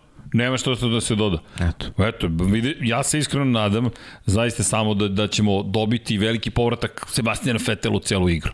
I naravno povremeno Lance Stroll. Ja bih i volao da to, Iskreno. da to bude tako. Bilo bi mi zabavno, neko, ti šampioni, svi nam odušu u penziju. Ode Kimi, ode Rossi, ode Brady, sve, sve, sve neko penzioneri. Osjećam se staro, pa evo. Osjećam se staro, pa, pa jo, ne znam o, zašto. Odlaze junaci naših doba. Bukvalno odlaze. Gledam uh, halftime show sada u Super Bowl. Vanja srećen kao malo dete, hip-hop legende. I kao, ok, hip hop je stigao. Moram ti priznati, vidio sam rezultat kad se probudio i krivo mi zbog Dekije što ovaj, nis dobili Da, svi smo njegovi. nekako naginjali. Ja sam navio zbog Dekija za, za, da, Bengalsi, ja? E, da, im, sam imali su šansu. Zbog Deki. Imali su šansu propušteno. Koliko mu je drago bilo, seća se prošle nedelje, baš smo uživali. video u dresu kako je ponosno. Da, i, eto, sa, meni zbog Deke je bilo krivo, iskreno. Dobro, ali eto, bi, bit će prilike. Ali kad spominješ Dekija, Jost Kapito. Vanja, ja Nemamo fotografije. Ovo ne smemo da zaboravimo. Ovo ne smemo da zaboravimo, ali posljedno ti ne sa, sa Instagrama Williamsove fotografije, zašto? To smemo da prikažemo. Opet su promenili šifru. Williams tim ima čudnu tendenciju da pred lansiranje novog bolida promeni šifru pristupa medijskom sajtu i nikog ne obavesti o tome. I onda svake godine im pišem isti e-mail, sad se već nastavljam na, tre, na, na, na, na, na, na, na niz koji smo počeli pre, pre, pre dve godine, dobar dan, ponovo ste promenili šifru, može nova šifra, onda oni da. ti odgovore, evo nova šifra, hvala, ali bilo bi super da smo dan prezentacije bolida imali vašu šifru, elem, Evo ih nove boje Williamsa, promenile su se boje, nema velikog sponzora, ali Jost Capito, mm -hmm. o kojem često Deki priča, šef ekipe je rekao, trenutno ni ne jurimo velikog sponzora.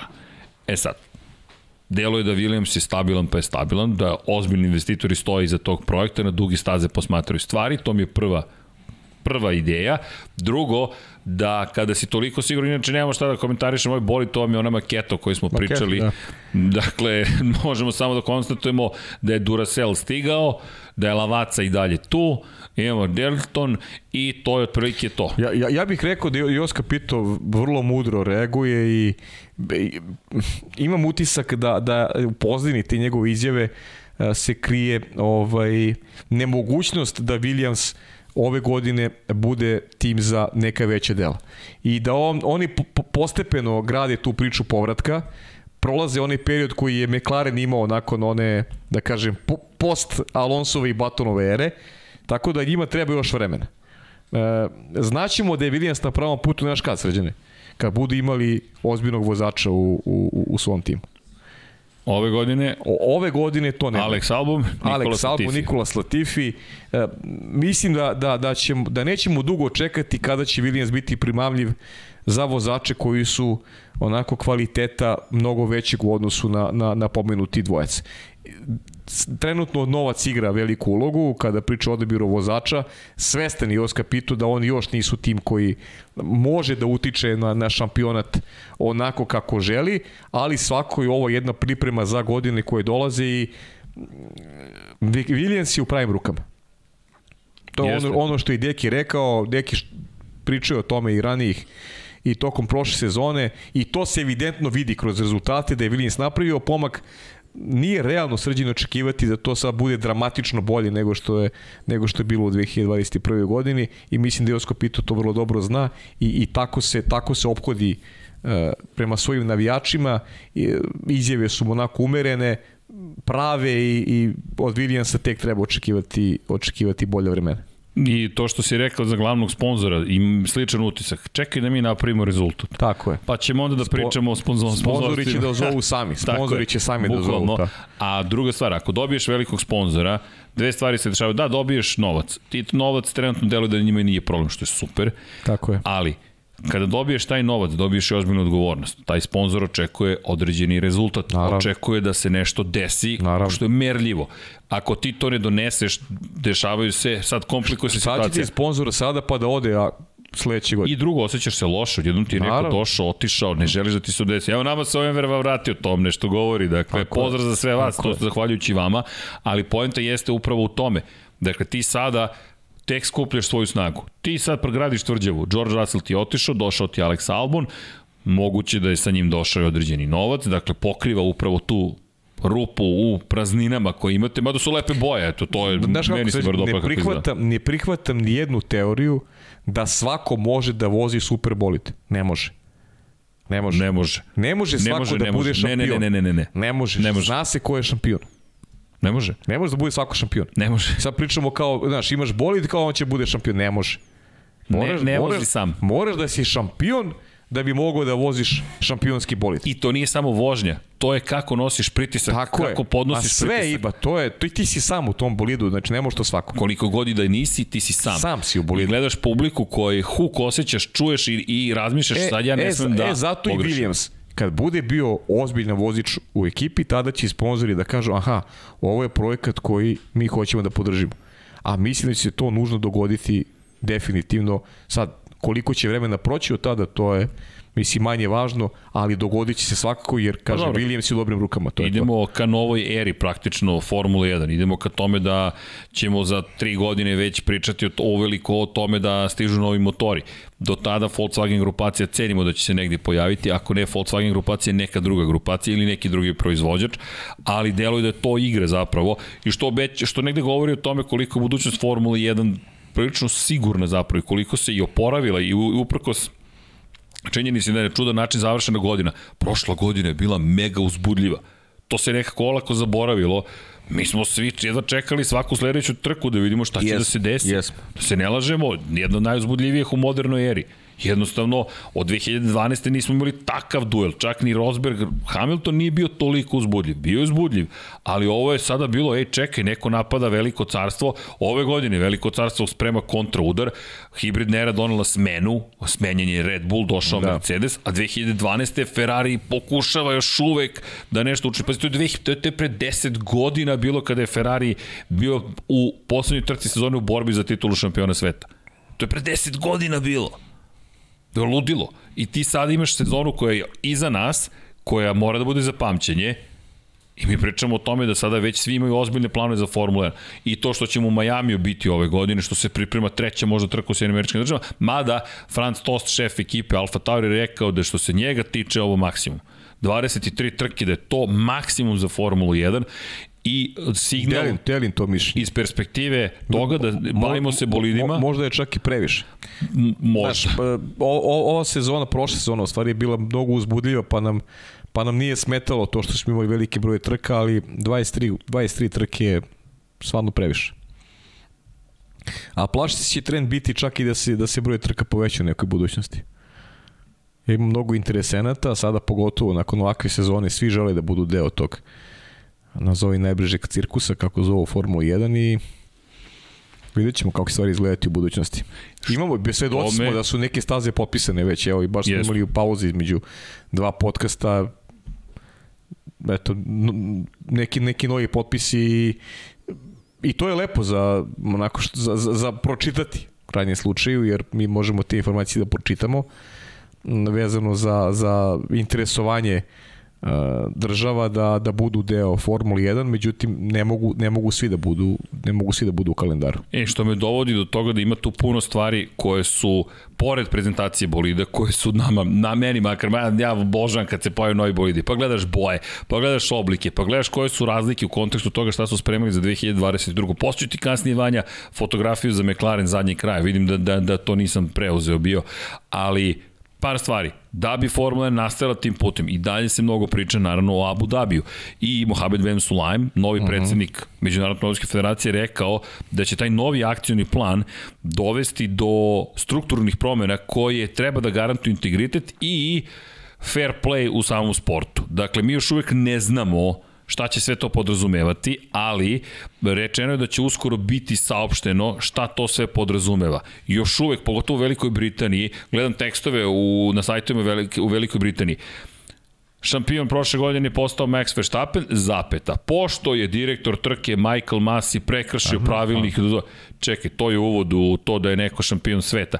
Ogorčenost je ogromna, pre svega kod medija i samim tim taj plamen neće ugasnuti tek tako. Međutim, postoji akcijni plan, susreli su se inače i Christian Horner i Toto Wolff dosta šala na njihov račun šta se tamo to sve dešavalo, nije dešavalo. Mi čekamo da čujemo zvanično. Svi su bili vrlo čutljivi na pitanje ekipe Skaja, Tota Wolffa šta, da li ste se dogovorili nešto, Toto Wolff je rekao da je zadovoljan, postavimo pitanje da li će Lewis Hamilton biti zadovoljan time što ste se dogovorili.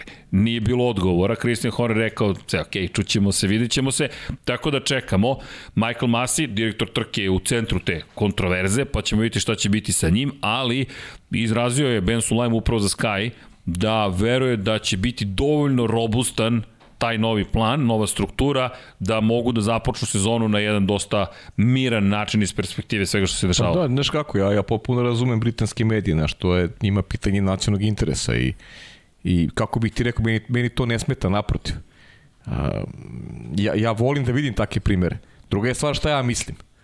Znaš, vol, volao bi da smo mi na ovim prostorima drugačiji kad je u pitanju nešto se zove neki nacionalni interes ili nešto što je interes uh, kada govorimo o srpskim sportistima, da, da, da ne idemo sad naše ruku priču i ne želim da pravim neka poređenja, Britanci se bore za svoje.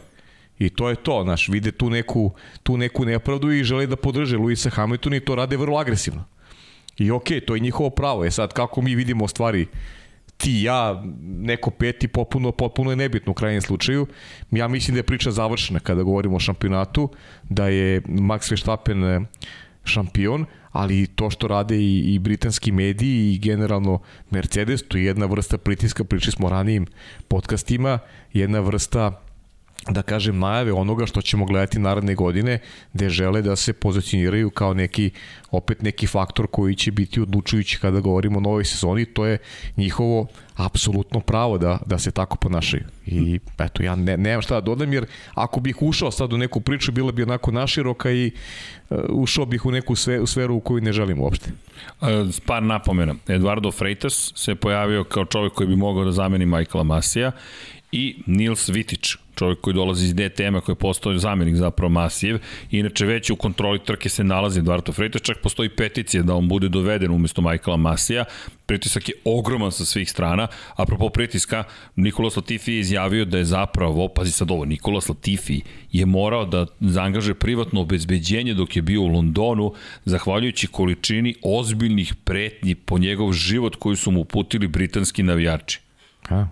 Potpuno suludo Dakle, oni prete momku koji je napravio grešku, udario u zid i izazvao period iza vozila bezbednosti koji je doveo do toga da na kraju imamo trku između Maxa Verstappena koji je postao šampion Luisa Hamiltona. I ljudi mu sada prete kada dolazi u Veliku Britaniju da će ga ubiti.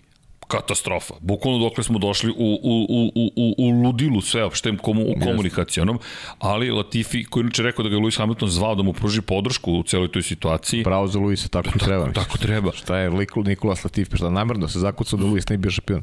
Mislim, glupa priča. Kakva suluda situacija. Pa da, ali to je, znaš, teorije zavere su čudo. Čudo, bukvalno. U svakom slučaju, Freitas, Vitić mogli bi da preuzmu tu ulogu, dakle sada već imamo i potencijalne naslednike. Inače, šta navodno podrazumeva prema pisanju autosporta i motorsport.com, taj novi akcijni plan podrazumeva da je zapravo Michael Massey, s čim se slažem u potpunosti, bio čovek podvrnut tolikom pritisku, na kraju više nije znao šta, gde, kada i kako treba da uradi. Pa to, to Srđane, malo, malo pa sam pričao o tome. Samo šampioni mogu da iznesu pritisak. Bukvalno samo šampion. Ne može da budeš šampion kao dobiješ dobre bolide i sad kao vozi, vozi Paja Žiković, vozi boli zato što Ali ima, nema pritiska. Ne, ne. Mislim, znaš, to treba da izneseš to. Šta smo rekli za sponzora? Treba budeš šampion. E, isto tako da budeš neko ko odlučuje o trkama, mora budeš karakter poseba, mora, mora da se nosiš sa tim. Michael Masi je stranac u noći. Kami. Razumiješ? Kapiraš? Znači, on, on, on je zalutao. Deco, čitajte knjige, a i odrasli Tako, čitajte znači, knjige. On, on je čovjek zalutao, po, potpuno promašio priču. On ne može da nosi taj pritisak. I on ne treba više bude na tom mestu. Znaš, to je, to, je, to je definitivno. On ne sme da bude na tom mestu jer on je pokazao prošle godine da sa pritiskom ne ume da se nosi. I to je to. da, da, dakle, pa da. ne, ne, izvini, ali ne, pa je posećuje, kada vam kažem da ide u knjižare, da ide u biblioteke, ja se ne šalim Pa do, da. Pa, nije, mislim, pre, nije, da, nije samo preneseno značenje. Da, nije preneseno značenje, da. Pa, Jeste i do nekle ponekad. Postata je moja ljubav prema knjigama, zaista. Ali zaista. Obožavam knjige. Da, e da, to... kupite knjige. Da. Dakle, možete kupiti crveno i crno, Šumacher, mi volimo knjige. Mi zaista volimo knjige, ja obožavam, dakle, zaista, Dekijeva knjiga, Dejan Potkonjak napisao. Meni je omiljena razuna da je čitanje, zaista, to je... Kimira i Konen, to je inspiracija bila da, da uzmemo pravo, da kupimo pravo za ovu knjigu i Valentino Rossi će stići. Najkompleksnija knjiga ikada Jeste. napravljena. Ali, ali, već je to, već, već smo danas smo poslali isečki obaveštenje svima. Dakle, zaista smo uradili ogroman posao, dva puta, o tome ćemo napreti jedan podcast za jednu godinu da. celu, da, da, kako je to sve izgledalo, šta se sve tu dešavalo, to su, da postoji ti projekti, kod Kimija sve išlo glat, lako, za praktično, ne znam, za, za rekordno period smo sve završili, to zahvaljujući Milici. Aj se Milica to bila kritični faktor, Milica od Čigrija, tako da Milica to sve završila, ali nije samo Milica, Nevene takođe, Dom Pablo je učestvovao negde gde, gde nam je koleginica iz prodaje, komunikacija, promocije i svega ostalog, ona je takođe učestvovala u tome i malo smo pomogli mi tu, na nešto smo figurirali malkice sa strane, ali kupujte knjige, čitajte knjige. A kupite eto shop.infinitylighthouse.com stiže nova majica, svemirski teleskop za gikove, Uber Geek majica ništa ne piše, samo jasno da su to 18 gledala koje čini jedno veliko primarno gledalo svemirskog teleskopa koji se nalazi na Lagranžovoj dva tački, milion i po kilometar od planete Zemlje. To vam je i to u takozvanoj Halo orbiti, da ne kažem Oreol orbiti. Kad sam vidio Halo u kosmosu, rekao, to mi recite, znao sam da ima sve, sve ima svoj smisao. Imamo i novi logotip za kosmos. Pohvale za brđe i brđe. 1-2, pa birajte koji je, Bogdan ili Nikola. Elem, Michael Masi, naravno, no, kogod da bude tu naredne godine, će dobiti podršku tako što će oko njega biti više ljudi. I nećeš moći, halo, to direktor trke, molim vas, ja bih kokice. Ne, ne može. Tako ne je. možeš da dođeš do njega. Ne možeš da dođeš do njega. On radi ozbiljan posao. Jer ako ti kažeš, to ti je kao pilot aviona. E, znate, osoba je sa sedišta 30C bi, ne znam, šampanjac. Srđene, to srđene, srđene koncentracija. Koncentracija, tako je. A radimo prenos trke. Zamisli da smo u komunikaciji tokom prenosa trke, I, da smo u komunikaciji sa ljudima. Sjajno pa, Je se sećaš kada može. neko dođe na prozorče i počne da kuca ovako pa, da. agresivno da. i nas dvojica se učutimo, kad čujete prekid u rečenici, pa da, neko je došao i mi pogledamo. Ja ne mogu da verujem da mi da neko hoće mi se obrati da, u tom periodu. I mi pomislimo da je nešto hitno, gori, i ugasio pa, da. se, nema signala i neko vam pokaže jel hoćete kafu Da, ono, ono izbacite iz takta. Iz takta, vi ste u sred izba, Izbacite iz onoga, iz nekih toka misli, znaš, ja ne mogu da verujem, znaš. Šok, kao, kao, potpuni kao, šok. kao da mi, znaš, kao, Hoćeš kafu? 100 grama jagoda kao, Sad, znaš. bukvalno, tipa, ne znam, Hamilton napada Alonso u Mađarskoj. Ljudi, bez takta ne razmišljaju. Ne, ne bez takta, a, Ne a dobra je volja u pitanju. I da te pitam, hoćeš, hoćeš kafu, no, nov kolega. Ne, ne, dobro, tako je, dobra je volja, a, a u stvari te Ne poremeti ti koncentraciju. Tako je. Sad zamisli Masija, zvoniti jedan telefon, zvoniti drugi. Inače, sada se vrti taj snimak u kome Jonathan Noble mu govori praktično šta da uradi. Masija koji važi, ok, dobro, naravno, nema problema. Ček, sad ćemo to da sredimo. Pre toga, A to ti isto šta ti montiranje, to ti je Kulešov efekat, ili beše Kuleš, Kuleš, Jeste. jeste, Kulešov mm. efekat, gde Zavi, ako lepo montirate kadar, možete stvoriti sliku koju god želite. Ko, šta nedostaje tom kadru? Toto Wolf, Jonathan Noble, Christian Horner, Toto Wolf i svi ostali koji su se zaređali pre toga gde se završava sa Jonathanom Noblom. Ne branim ni Red Bull, ni Michael Masija, ni Mercedes, ali to je cirkus na kraju ispao. E, sada navodno će to biti nemoguće i oko njega će biti ljudi koji će se baviti tim stvarima. Dakle, direktor trke, fokus na pravilnik, na ono što treba da učini i to je to. Držim palčeve, deluje da, da, da je FIA naučila nešto.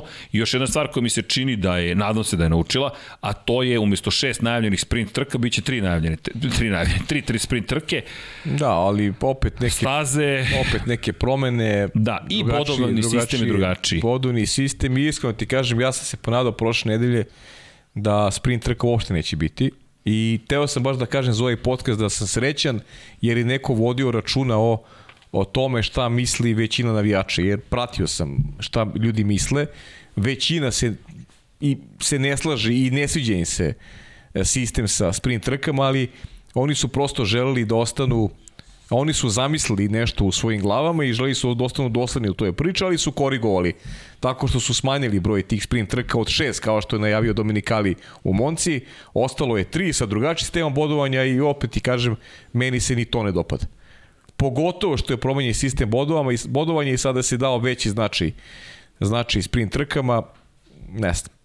Kažem ti, meni se to ne sviđa i, i to je to. ali pazi, meni je ovo pozitivno. Umesto najavljenih šest, tri, Pa dobro, ako obrazloženje negativno u odnosu na ono što smo imali prošle nedelje. Najavljeno da neće biti uopšte sprint trka. Dobro, dobro, da, ali da, su okej. ostali, ostali su dosledni i opet su nešto Ja sam čaša je polupuna. Ali vidi, bilo je šest. Bo, bolje, Pa, bolje 3 nego 6. Bolje 3 nego 6, od Bolje tri nego 23 šest. trke izdržat ćemo. Dakle, ono što je tu sad stvar, Imola će biti poprište duela, sprint kvalifikacija, Deki nam nije tu. Crki, jednostavno je, pitaš vozače, pitaš navijače. Napraviš anketu. Ne moraš da ostaneš upamćen kroz istoriju zbog toga što si ti kao nešto promenio. To je kao kad, kad ti promene ulicu, naziv promene ulici, kao ostavio sam trag, promenio sam naziv ulice. E, meni to tako izgleda, bukvalno. Znaš. Znaš kako? Znači, nema neke promene dobre, nego eto, ja sam kao nešto uradio. Eto, tako mi to deluje. Dobro, apropo ulice, ja bih ih nazvao Višnjina, Trešnjina, Ružina ulica, ulica broj nebitno, 7, znaš. kvadratna ulica, ulica Romba, ulica Pa da, ali, binarne ali načine. promeniš, promeniš ime ulici. Kao, znaš, nije su- više ovako, 50 godina je bila tako, sad sam se ja Pa jo. setio da bude drugačije. Zamisli, živiš u binarne jednačine 4. Izvini, A, da. ali ili na primjer Ne bi moglo da mi stane u u polinomu karti, znaš. 17b. Stvarno, ti si u polinomu, ja sam u rombu 4. Da. Gleda me Dom Pablo šokirano. Ili, ja sam u Lab 76 42. Stvarno. Ne, ne treba bude šokiran tom Pablo zato što, zato što ti sad u stvari daješ ideju nekome da, Neko- da tako nešto napravi. Vidi, ja bi se silno kaže, zabavljao. I neće kaže Srđan Ercik, nego ja sam to smislio. to, to, to. U 2 RP 17 živim. Da, pa to ti kažem. E, e, meni, je, meni je taj level, znaš, taj level kao odlučivanje, ja sam sad kao smislio kao, ok, kao nema šest, ima tri, ali ću da promenim, sad sistem bodovanja će biti ovakav. Zašto će bude sistem bodovanja takav? U. Zašto devalviraš trku? Zašto imamo dve trke istog vikenda? E, samo, samo da napomene. Ne kapiram. Dve napomene. Ko bude najbrži u petak uveče? Za one koji slučajno ne znaju šta je su sprint kvalifikacije, popularne sprint trke, Prvi trening se vozi klasično, 60 minuta od I, prošle izvini, godine. Srđan, morate, Naravno, mora, mora samo, molim te, molim te. amandman nijem. Molim te. Nemamo 23 trka sledeće sezone. O, imamo 26. Da, da, da, da, da, okej, okay, Imamo okej. 26 I sprint kvalifikacije dodaješ u celu Čekaj, priču. pa tako naravno i dodajem, dodaj mi kao trku 8. Zato imaš poene. 8 poena, tako za pobednik. Znaš što je 8 poena? Mnogo. To je mnogo, Mnogo. poena. To je, to je mnogo. To me dovodi upravo do te priče, samo eto da, da kažemo format. Format je trening broj 1 pre podne, to jest u podne, otprilike malo posle podneva, kreću za kvalifi... na, na, u trkama kada imamo sprint kvalifikacije. Zatim vozite kvalifikacije u petak predveče, Ko bude najbrži, njemu će se statistički pisati pol pozicija. Neće više biti pobednik sprint kvalifikacija osvajač pol poziciju, to je isto velika promjena statistički, ne bodovno. Zatim, imate trening broj 3 u subotu pre podne ili podne, onda dođe sprint kvalifikacije, trećina trke se vozi od onoga što inače se vozi. Inače, za one koji ne znaju, for, trka Formula 1 mora da traje 305 km sa izuzetkom Monaka. Prvi krug preko 305 km je krug kada se završava trka.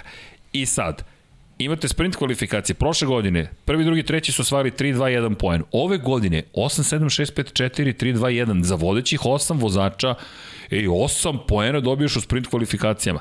Sad, ulog raste, pa rizik možda se isplati, ali s druge strane, wow, sprint kvalifikacija 8 poena.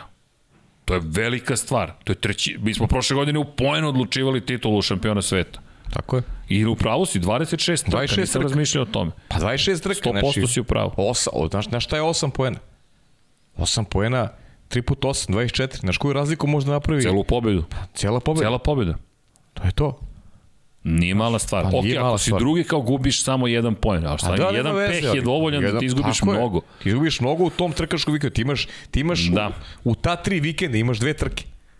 Ajde vidimo, ali čekaj, hajde da evo da budem anđelski advokat, ne đavolji advokat, ti si već đavolji advokat, dakle, da, okay. gledaš kontra stranu. Ajmo pozitivno, možda ih to natera da se više trkaju. Pa dobro, znam srđene, ali znaš, mislim, to je, zna se šta je glavna trka, ti, znaš, ti imaš jednog vikenda dve trke. Mislim, to, to je, nije, nije, nije ni normalno. Uz, uz takav kalendar. Zna se šta je procedura, zna se kvalifikacije. Šta smeta Mislim, šta smeta tom ustalje, toj ustaljnoj praksi već, ko, koja postoji već dugi niz godina? Ne smeta ništa. Nego ajmo kao da promenimo nešto, pritom, pritom nema dobar odziv kod navijača. Realno nema dobar odziv, kod navijača. I to je publika jasno rekla. Više ima ti koji ne žele sprinterke. Pa postoji želju publike. Pitaj vozače. Znaš, oni ako kažu, ok, to je dobro, nema nikakvih problema. Ako publika kaže to je dobro, nema problema. Šta smo dobili kad sa, sa sprint trkama, nigde posta nije bila zadovoljavajuća. I smo pričali... Silverstone. Silverstone. Pa dobro, Silverstone je bila posta generalno, bio, bio je strašan vikend. Ali nigde više nije bila dobra posta za sprint trke. Ne, Monza, Pritom, prazno, osjećaj, Brazil. Kakav je bio Brazil? Osjećaj tvoj i moj. Da. Osjećaj tvoj i moj vikende kad su sprint trke ja sam ja potpuno Izduvano. Kao, pa potpuno onako, ne, znaš, ne, nemam nikakav znaš feeling, ne, ne, nema, nema drame. u Brazilu, Lewis Hamilton. Neverovatno vožnju. No. Da. Realno to on je spasao. Yes. Obrnuto ti je. Vanje je obrnuto, što? Sviđa ti se. Evo e, Vanja, evo ti je nova generacija. Dobro, ne, ne, okay, super. Ne, ne, super, super. A gledati se više. Pa okay, dobro, eto, eto ti ga, pa evo, to možda smo mi prosto... Pa ne, ali znaš, ja, ja sam pratio, bila je, bila je anketa, znaš, bila je anketa među navijačima i više bilo njih koji, koji ne žele sprint kvalifikacije, znaš. Zanimljivo. I onda pitaš i vozač, misli, to mora bude sud. Ne možeš donosiš, ne možeš donosiš odluke zato što je to nešto tvoj hir. Znaš, ti si kao smislio, to je ozbiljan sport, no, Formula pa Postoji tradicija, neka ozbiljna tradicija postoji. Ali, Zamisli NASCAR da menja sada pravila neka koja postoje, koja postoje 50 godina. Ali, ali vidi, da se ne lažemo, gde, gde, se, gde se gleda zapravo? Ovo što je Vanja, Vanja je ključ ovde. Ako Vanjina generacija kaže, ne, mi ćemo ovo više da gledamo, To je ne, to. Ne, pazi, ovo je izvolovno mišljenje moje, vanjino tako tvoje. Je, tako je, Znaš, tako je. I ja, ja, kažem ti, ja sam samo, kažem ti, pratio sam Zato kažem, ankete. ako generacija kaže i dođu u ogromnom broju, što na, ideja je bila da ne, će ne, više gledati. Ako ljudi. ima više ljudi koji su za to, ja podržavam, skidam kapu. Ali nije Jasno. bio to slučaj. Jasno. To je to. I pa je još jedna velika promjena. Apropo bodova, i toga da trka u Belgiji se neće ponoviti na način na koji se desila, uvedeno je novo pravilo. Ako se završe dva kruga, a manje od 25% trke. Vodića petorka dobija poene. 6, 4, 3, 2, 1.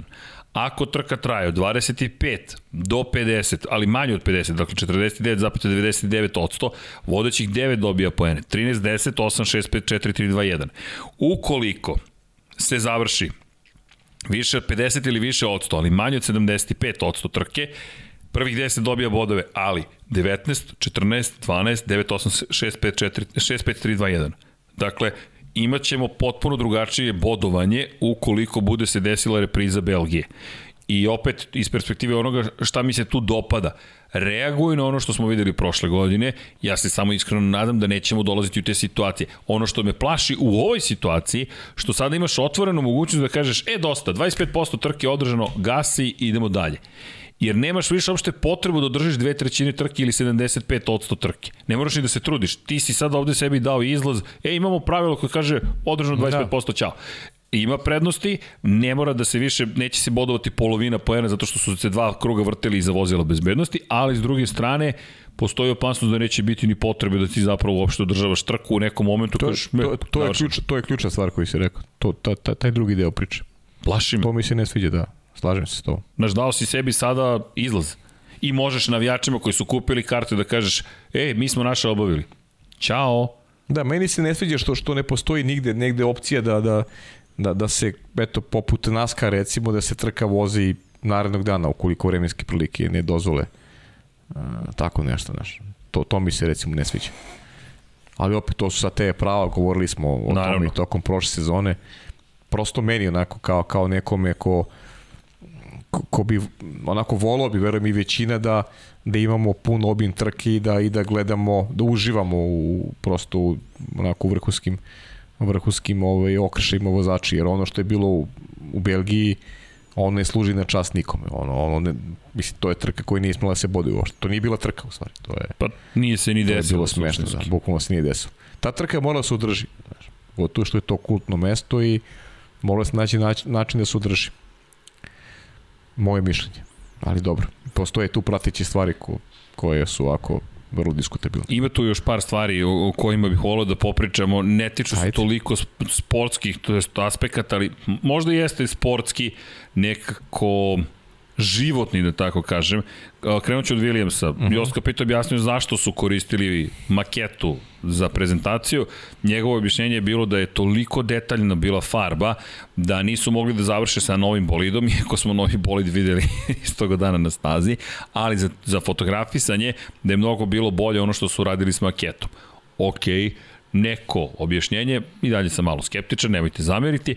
Druga stvar, mnogo veća stvar zapravo, jeste nešto i to me baš uporno podsjeća Dom Pablo da slučajno ne zaborim i ne mora da brine, neću zaboraviti, a to je odluka zapravo ekipe da ukloni Senin S logo uh mhm. -huh. sa svojih bolida. Za one koji eventualno ne znaju, Senin logo je stajao od 1995. godine na bolidima Williamsa. Nažalost, Sena je izgubio Ayrton Sena, trostruki šampion sveta, legenda ovoga sporta, ko je prvi put možda u ovom svetu. Pogledajte dokumentarce Ayrtonu Seni, sve će vam biti jasno. Dakle, govorimo o legendi. Senin logotip, čuveni, je stajao, dakle, od 1995. godine, za upravljača Williamsa je poginuo u Imoli 1994. godine i odlučili su da to više ne rade, u 2022. više neće biti logotipa. Rekli su da žele prosto da nastave dalje od onoga što se desilo i da ne žele da podsjećaju svoje vozače na ono što se desilo 1994. Rekao je da će u čast scene prosto odvojiti posebno mesto u muzeju Williamsa samo za Ayrtona Senu, da će nastaviti dalje da doniraju pare Seninoj fondaciji i da će svi bolidi koji su nosili logotip Sene i dalje imati Senin logotip na sebi. Evo ja ću, ja ću iskoristiti. Ti znaš uh, koliko ja volim Artona Senu i meni je, ja čak kad je poginuo Sen nisam pratio formulu dok nismo počeli ja ponovo da radimo zajedno. Ja sam vrlo, pratio sam ali vrlo površno nisam mogao da, da gledam trke bez Artona Sene. Ali meni ovo, znaš, meni ovo ne smeta. Ne smeta mi kao navijaču Formulu 1, znaš, zašto ljude opterećivati sa prošlošću, znaš. Slažem se. Nema potrebe uopšte, znaš, to je, to je bilo, to je davno prošlo vreme. Senu, ja, ja Senu ono, čuvam u srcu, ja ga volim i verujem da velika, velika većina fanova Formule 1 ga volim. Nema potrebe e, za takim nekim obeležima kao da je to sad ne znam šta i mislim da je e, saopštenje i to što radi Williams ja stvarno mi ne smeta. Ja, ja čak kao navijaču, da je... kao navijaču Formuli 1, kao, kao nekom ko, kome je Sena ikona u ovom sportu. Meni je Sena ikona. I ja, znaš, ne volim da čujem ništa protiv Sene jer ja to ne prihvatam. Zato sam ja navijač Artuna Sene i bit ću zaovek bez ozira što nažalost više nije među nama, ja ću zaovek da bude navijač isključivo Artuna Sene. ali mi ovo uopšte ne smeta. Znaš, to je, Čak to je neka naprotiv. prošla, da, ja mislim da je to pravi potez. Da, nemam problem s tim uopšte. E, ono što bih ja voleo, sticam srećnih okolnosti, imao sam i, i zadovoljstvo i čast da budem u tom muzeju i malo iza kulisa, u onom kratkom periodu pre nego što se našli Rokiti dok je bio glavni sponsor, Da. pa su nam otvorili vrata. Da, seća se kad si Da, išao, da. da. bukvalno smo videli drugu kopiju FW16, nažalost i poginuo je u onoj prvoj verziji, od, pošto su postojali ovih dva bolida. Drugi bolid je sakriven iza paravana koji niko ne može da vidi zapravo. I samo ukoliko radiš u Williamsu i imaš otvorena određena vrata si mogao da vidiš taj bolid. I mi smo bukvalno prošetali, to je to ovako u jednom hodniku stoji, to, to, to, to, je, to, ti je, lepo, to ti je kao i svaki arhiv muze, u, kad odeš i kažeš čekaj, siđeš i kao šta je ovo, pa gledaš, neverovatna ja, ja, ja sam dela, u to ja sam delo. u to vreme i mrzao Williams, jer sam, jer sam ih smatrao i, i odgovornim delom za, za, za sve što se I bili dogodilo. ali, tuženi. Tako ali to je, znaš, to je prošlo vreme, znaš, ne treba se, Ja ne treba se vraćati u nazad. da ga pokažu Tako i kažu Sena. Niko ko voli. Formulu 1 neće zaboraviti Artuna Senu. Veliki šampioni se ne zaboravljaju. Pa Juan Manuel Fangio znaju makar po prezimenu, Pa, e, neki e, Fangio. tako je, Sad, tako je. baš šta je taj Fangio ili ko je bio, možda se ne, zna. Imali ali smo mi stvari privilegiju da, privilegiju da ga gledamo, mlađi nisu, ali ne treba, ne treba se utrećivati prošlošću i sad ne treba za, zamerati nešto Williamsu, što je to odlučio, Ne, ne, mislim ne, da je to potpuno u redu, ne, stvarno nemam nikakav problem sa tim, definitivno. Apsolutno. Novi ljudi su Williamsu, nova priča, poštuju svi oni Artuna Senu, naravno da ga poštuju, bio je deo, bio je deo te, te velike franšize i, i pamtit ćemo ga dok je, dok je veka i, i sveta. U svakom slučaju, kada pričamo o Ayrtonu Seni, pamtimo ga kao što si rekao, bit će priča još puno o Ayrtonu Seni, pripremite se za Dekijevu knjigu Tako. o Ayrtonu Seni, mi ćemo svakako, pa evo Senina zastava je tu, da. čovjek živi Pozdrav, prosto. pozdrav Duletu, dugo, dugo ga nisam video, ali pozdrav veliki za... Jeste. Da. E, vidio sam ga Ja- prilike. i- i Pa znaš kome ja. vozio da... Ja, Vanja, može, može sa Instagrama, fotkica. Čekaj, Pajo, naše prvo zvanično vozilo uskoro stiže, reci. Da, da, mislim, A? to, to se pa čak... Čekaj, I, pa ti ne znaš. I ja sam okačio. Znaš da kome, znaš kome dovezao? Ko? Pa šta misliš? Pa ne znam, kažem. Sad si ga spomenuo. Dule, a? Dule. Ma, stvarno. Sretnem ga u kafiću juče bukvalno i treba da idem do čoveka da pogledam motocikl. Čekaj, Dule Janković ili Ne, ne, ne. Petrović? Tako je. Pozdrav za Moj Duki. Sena. Pozdravim. Dušan po, Sena. Po Dušan Sena. Dušan da. Sena. I sretnem Da. čoveka i kažem, idem, gde ideš? Idem do Rače. Šta, da pogledam Apriliju RS 125. I on gleda, a jesi ti probao ovo, jesi provjerao? Rekao, hoćeš sa mnom? Hoću. Jel stižemo nazad do pet? Stižemo. Nisi, nisi mi to rekao. Duki, da, Duki izvini, nisam ni stigao. Nisi I mi rekao Ma, dogovorili su dva i po minuta. Da. Duki došao, mi tap tamo, upalili, sve radi, pozdravili se. Ima dva Duleta koji su... znaš, Posebni. Po, posebni, da. A obojicu, znaš, Obojica, tako je. Tako je, tako da, e, s tim što jedan je Formula 1, Drugi, drugi, su Drugi je motori. MotoGP. Tako je. Jedan je Sena, moj čovek, a Tako ovaj je. drugi je samo samo motori i Valentino Rossi. Jeste, i ne smijem ni da pričam njegove priče, šta je Ne, taj ne, sve ne, čovjek ne, ne, ne. proživeo, Ne, ne, ne, to su, to, to samo ono ako Njegove odluči priče jednog su za dana. biblioteku. Bukvalno i u svakom smislu te reči. Da. Ali evo, ovo će vam biti prvo vozio. Ne kaže, mnogo ti mali taj motocikl. Pa ljudi, neću ja jedini voziti. Možda će neko drugi tu da sedne. Neću ja ni voziti, verovatno. Mi ćemo sad lepo da ga farbamo, sredimo u naše boje i ovde kao eksponat, a možda i nekad na navak da se izađe. Dobro, to. O tom potom. O tom potom, ti ćeš da komentarišeš. Hoću. I, i, to, i to je to. Sa, da, sa, sa dekim. sa nekim, da, i moramo Batmobil da nabavimo. Ali eto, da, uzeli smo RS 125. Neko kaže što si uzeo taj motocikl? Zato što je to kultni motocikl. Jeste. Ko zna šta će tek da bude u muzeju, tako da znate. I vaša podrška između ostalo kupila ovu RS 125 GP mašinu, to jest nije GP, da je GP to nikad ne bih sjeo na taj GP, ali je to replika i, i ulični motocikl u pitanju. Jurimo RS 250, ako imate dojevu, javite. Zato što 250-ica, dvotaktna, Ovo je motocikl iz 1997. Treba pitati Jankovića, on možda ima neki. Možda. Treba njega. Propustio sam ih pre x godina i kao da li da kupim, da li da ne kupim. Ne, pobeže i sad ih više nema. Ali ako neko zna, evo, javite za dojevu i ako imate neki zanimljiv automobil, old timer, pa malo ćemo da, da, da, da se bavimo i time, što da ne. Ljudi, zbog točkova smo se skupili ovde, evo, pokušavaju da mi ugase Dom Pablo uzu upravljač, gasi me. Nema tog dugmeta, Nema nema, gašenja. nema dugme, ne gasi se, pokvarilo se. Ali, Jako. Jako, jeste. E, inače, evo je dobrih vesti. Formula 1 management skinuo je copyright claim. Uuu, tako da kultura, napišete objašnjenje, odakle ste šta pokupili, zašto ste pokupili, ljudi kažu važi. To nije uzeto Dobro. od nas. Od Red Bull Media House smo dobili. Inače da znate, svaki put kada budete videli nešto što je copyright Red Bull Media House, posle šest meseci mi ćemo taj video morati da trimujemo. Tako da ćemo, zato što imamo editorial rights ili ti prava za korišćenje u uredničke svrhe samo na šest meseci i to je Red Bull Content Pool ograničenje, ali mi smo zahvalni na tih šest meseci. U budući ćemo najavljivati, sad idu fotke koje ko ovo gleda posle šest meseci neće ni čuti, ni videti, jer ćemo ih iseći. Tako da, Vanja, u podsjetnik, set, set, set, set, posle šest meseci. Tako da, Dom Pablo, evo, Dom Pablo. Set, set, Dom Pablo. Set, set, set, set. već meni govori set, set, ti ćeš set, set. Ali dobro. Krenuo sam u teretanu Dom Pablo, pazite što. E, ja sam isto. A, ili jesi? Ali za sad samo bazen. A to isto teretana. Prolazim pored teretane, znaš. ne, Vanjin drugar neki mi vidio teretane. Hteo sam Vanju da obradujem. Ja ću ponedjeljka realno da krenem baš teretanu, ali sad bazen za sad. Ne, ide kombajn, pa je, idu ponovo me izlače na teren. Ne, ne, mora, mora se. Mora, mora se bude ozbiljniji ove godine. Rekao mi Vanja, vidi na šta ličiš, mora da krenem. Stvarno ti to rekao? Šalim se, nije, nije Vanja taj tip. Ja, Šokir, pa upravo to nije, ja karikiram malo, karikiram. Ali dobro. E da, ima, da li imamo još vesti? Pa uvek ima još nekih vesti, ali ovo su neki od onih najvažnijih o kojima ne samo da moramo, nego želimo da pričamo.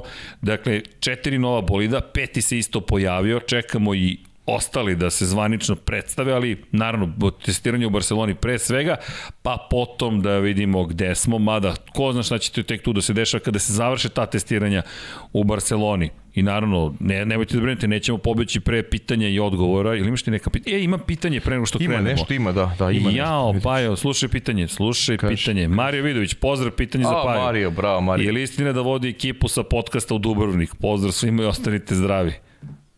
A, Mario, pričali smo nešto, da, da, ovaj, pa nadam se da će bude, Mario, ja bih volio vas zaista, nadam se da će da bude, družit ću se sa Dubručanima u Kragujevcu početkom marta, tako pa vidit ćemo šta će da bude ovaj, od te priče, ja vole bih da dođem zaista i imamo mi ponudu neko da dođemo i u Split, pa Vi biće, nadam se. To sam malo, rekao to, Dušanu. To sam, da, da, to sam rekao da. i Dušanu. Sena. Sena, Sena, da. Sena, Sena posle, da, dobio sam ono sliku, ono, lokal Sena, ono, bukvalno tako, sve je zastava Sena i kao dođi, otvoren poziv, rekao ljudi, nisam dugo bio, želio bih da postim i Dubrovnik i Split, tako da ima tu lepih i vaterpolo priča, a vezat ćemo naravno i Formula 1.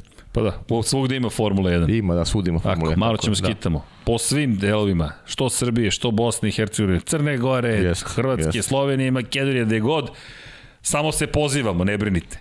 Imamo da. motor sada. E, a mnogo ima, zaista mnogo ima poruka, to Dubrovnik, Split je ovog puta pozdrav zaista za, za ljude koji ono prate pod kapicom tačka pa ne ne i Lep 76 zaista mnogo ljudi se javlja iz, iz, iz tih krajeva i, i veliki pozdrav i hvala vam ljudi na podršci svima da inače Dobro, majice još nisu stigle ove, vidiš, čuti, vidi kako mi gleda Dom Pablo, las, laserski fokus. Ej, nismo spomenuli dve bitne, jednu bitnu stvar.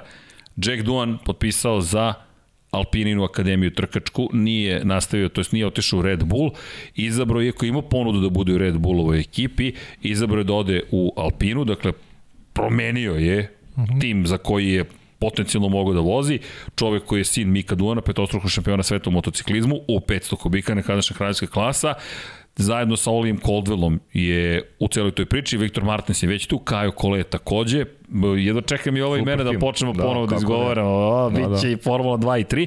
U svakom slučaju, vice šampion prošle godine iza Denisa Haugera je bio u Formuli 3 Duan, odličan, odličan zaista bio. Odličan, I ovo je zanimljivo da je prešao i u intervju sa Tom Howardom za Autosport je rekao da je za njega bolji program kako ga je pripremira Alpina i šta se tamo događa. Rekao očigledno da je Red Bull imao to isto, ali mm, ono što mu je bio problem, hajde da tako kažem, ne bi se kao da je hteo promenu prosto i da je hteo da ima nešto što je dobra putanja za njega sa konačnim ciljem kao da Red Bull ne, nužno to ne garantuje. E da. sad, malo sam skeptičan. Ja sam, ja vidiš, da vidiš i moju reakciju, pa zbog toga što, znaš ko je tu Alpina, još? Alpina, vidi, kako ćeš da se proguraš ti Teo Puršer. Teo Puršer. Kako ćeš, Oskar Pjastri? Oskar Pjastri.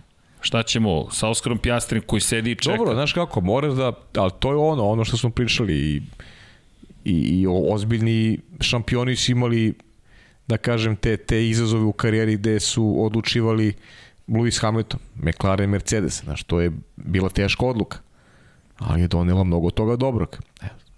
Eto i jedan mlad momak kao što je Jack Donny, on ima jednu tešku odluku, ovaj, opredelio se za Alpinu, Znaš, ne verujem da, da mi znamo tačno šta je Alpina njemu ponudila. I gde on vidi svoj negde ovaj, potecin luzak u Formula 1 i način na koji se to dogoditi. Znaš, ne, ne, ne znamo a priori šta planira Alpina sa njim, konkretno. Ali dobro, mislim, lepo je jer Gde šta su napravili, šta je napravio Mark Weber konkretno? Kako, kakvu revoluciju pokrenuo Za australijski vozač, tako je. Ne samo australijski. Ne, ne, slažem se. Novi Zeland, znaš. Cela okeanija. Cela okeanija. Cela okeanija. Mark Weber je pokrenuo lavinu interesovanja i I... Potrebno ti je kapisla, potrebno ti je da neko pokrene priču. Pa to je, srđane, drugačije percepcije bila da mi, naš Filip Jeni sada, neko Filip, dogledno vreme da, da Filip, da Filip, zamisli Filipa da uđe u Formulu 1. Pa znaš šta bi to bilo za, za, za ovaj prostor? I automatski bi klinci bi se identifikovali, znaš, i, i, i postojala bi neka i veća želja i, i možda više momaka koji bi bili istrajniji u tome da jednog dana krenu njegovim stopama. Nešto što recimo Miloš Pavlović nije uspeo, pa opet je opet je Miloš, Miloš i Miloš. Ja Sekund. Miloša obožavam. Stvarno, Kada već spominješ Miloša, Vanja, može. Koliko dugo ću još da uživam u putovanjima? sve dok postoje još neotkriveni predeli i sneg još uvek neukroćen. Za više bezbrižnih putovanja OMV Max Motion Diesel produžava životni vek motora. OMV Energija za bolji život. Pa evo, Kakav šlagor, ti da. si kosmičko biće, ti si da. neki srebrni letač, zlatni letač. I jao, za tebe napravimo zlatnog letača. Zlatnog ne letač. srebrni, nego zlatni letač, zlatna tabla, zlatni čovek. Kad da. dođeš u biblioteku pa kažeš, molim vas, da se zna ko je ušao. Da, jednog zlatnog Oskar letača. popularnosti. da, ali da, kako si lepo rekao za Miloša Pavlić, koji je reče jedno od zaštitnih lica OMV kompanije, Potaman. Mislim, Miloš je, kako bi ti rekao, On je za mene vrh piramide kada govorimo Jest. o auto, motosportu, novim prostorima. Uvek sam ga tako kapirao i mnogo mi je žao što što ovaj nije dočekao da bude u Formuli 1. A mislim da je zaslužio apsolutno ono vreme. Seća se koliko smo svi pratili šta se dešavalo. Svi koji volimo auto, motosport smo nekako bili onako, to nam je bila najveća želja. Najveći san da Miloš Pavlović bude u Formuli 1. I to je jedini vozač iz to nekog klinačkog perioda koji je imao priliku, je bio Čekaj, tako blizu... Čekaj, šampion sveta u karting. Ma, mislim, nema, nema šta se priča. Na takmičenju koji ima nosi ime Ayrton, Ayrton Sene i gde se on takmiči. Nema, srđene šta Sa se priča. Sa Jensonom Batonom. Miloš Pavlović i Dubok Koji stoji pored to njega. Je to, da, to je car. Car. Baš Jest. car. Kada će biti ovde? Kada dođe u Beograd, tako da nemojte ništa da brinete. Mi se nadamo da, da će se to desiti u skorije vreme, ali Miloš prilično obaveza ima, a i drugo COVID je baš napravio opšti haos. Mada je sad COVID postao izgovor za sve. Ako nešto ne radi, COVID.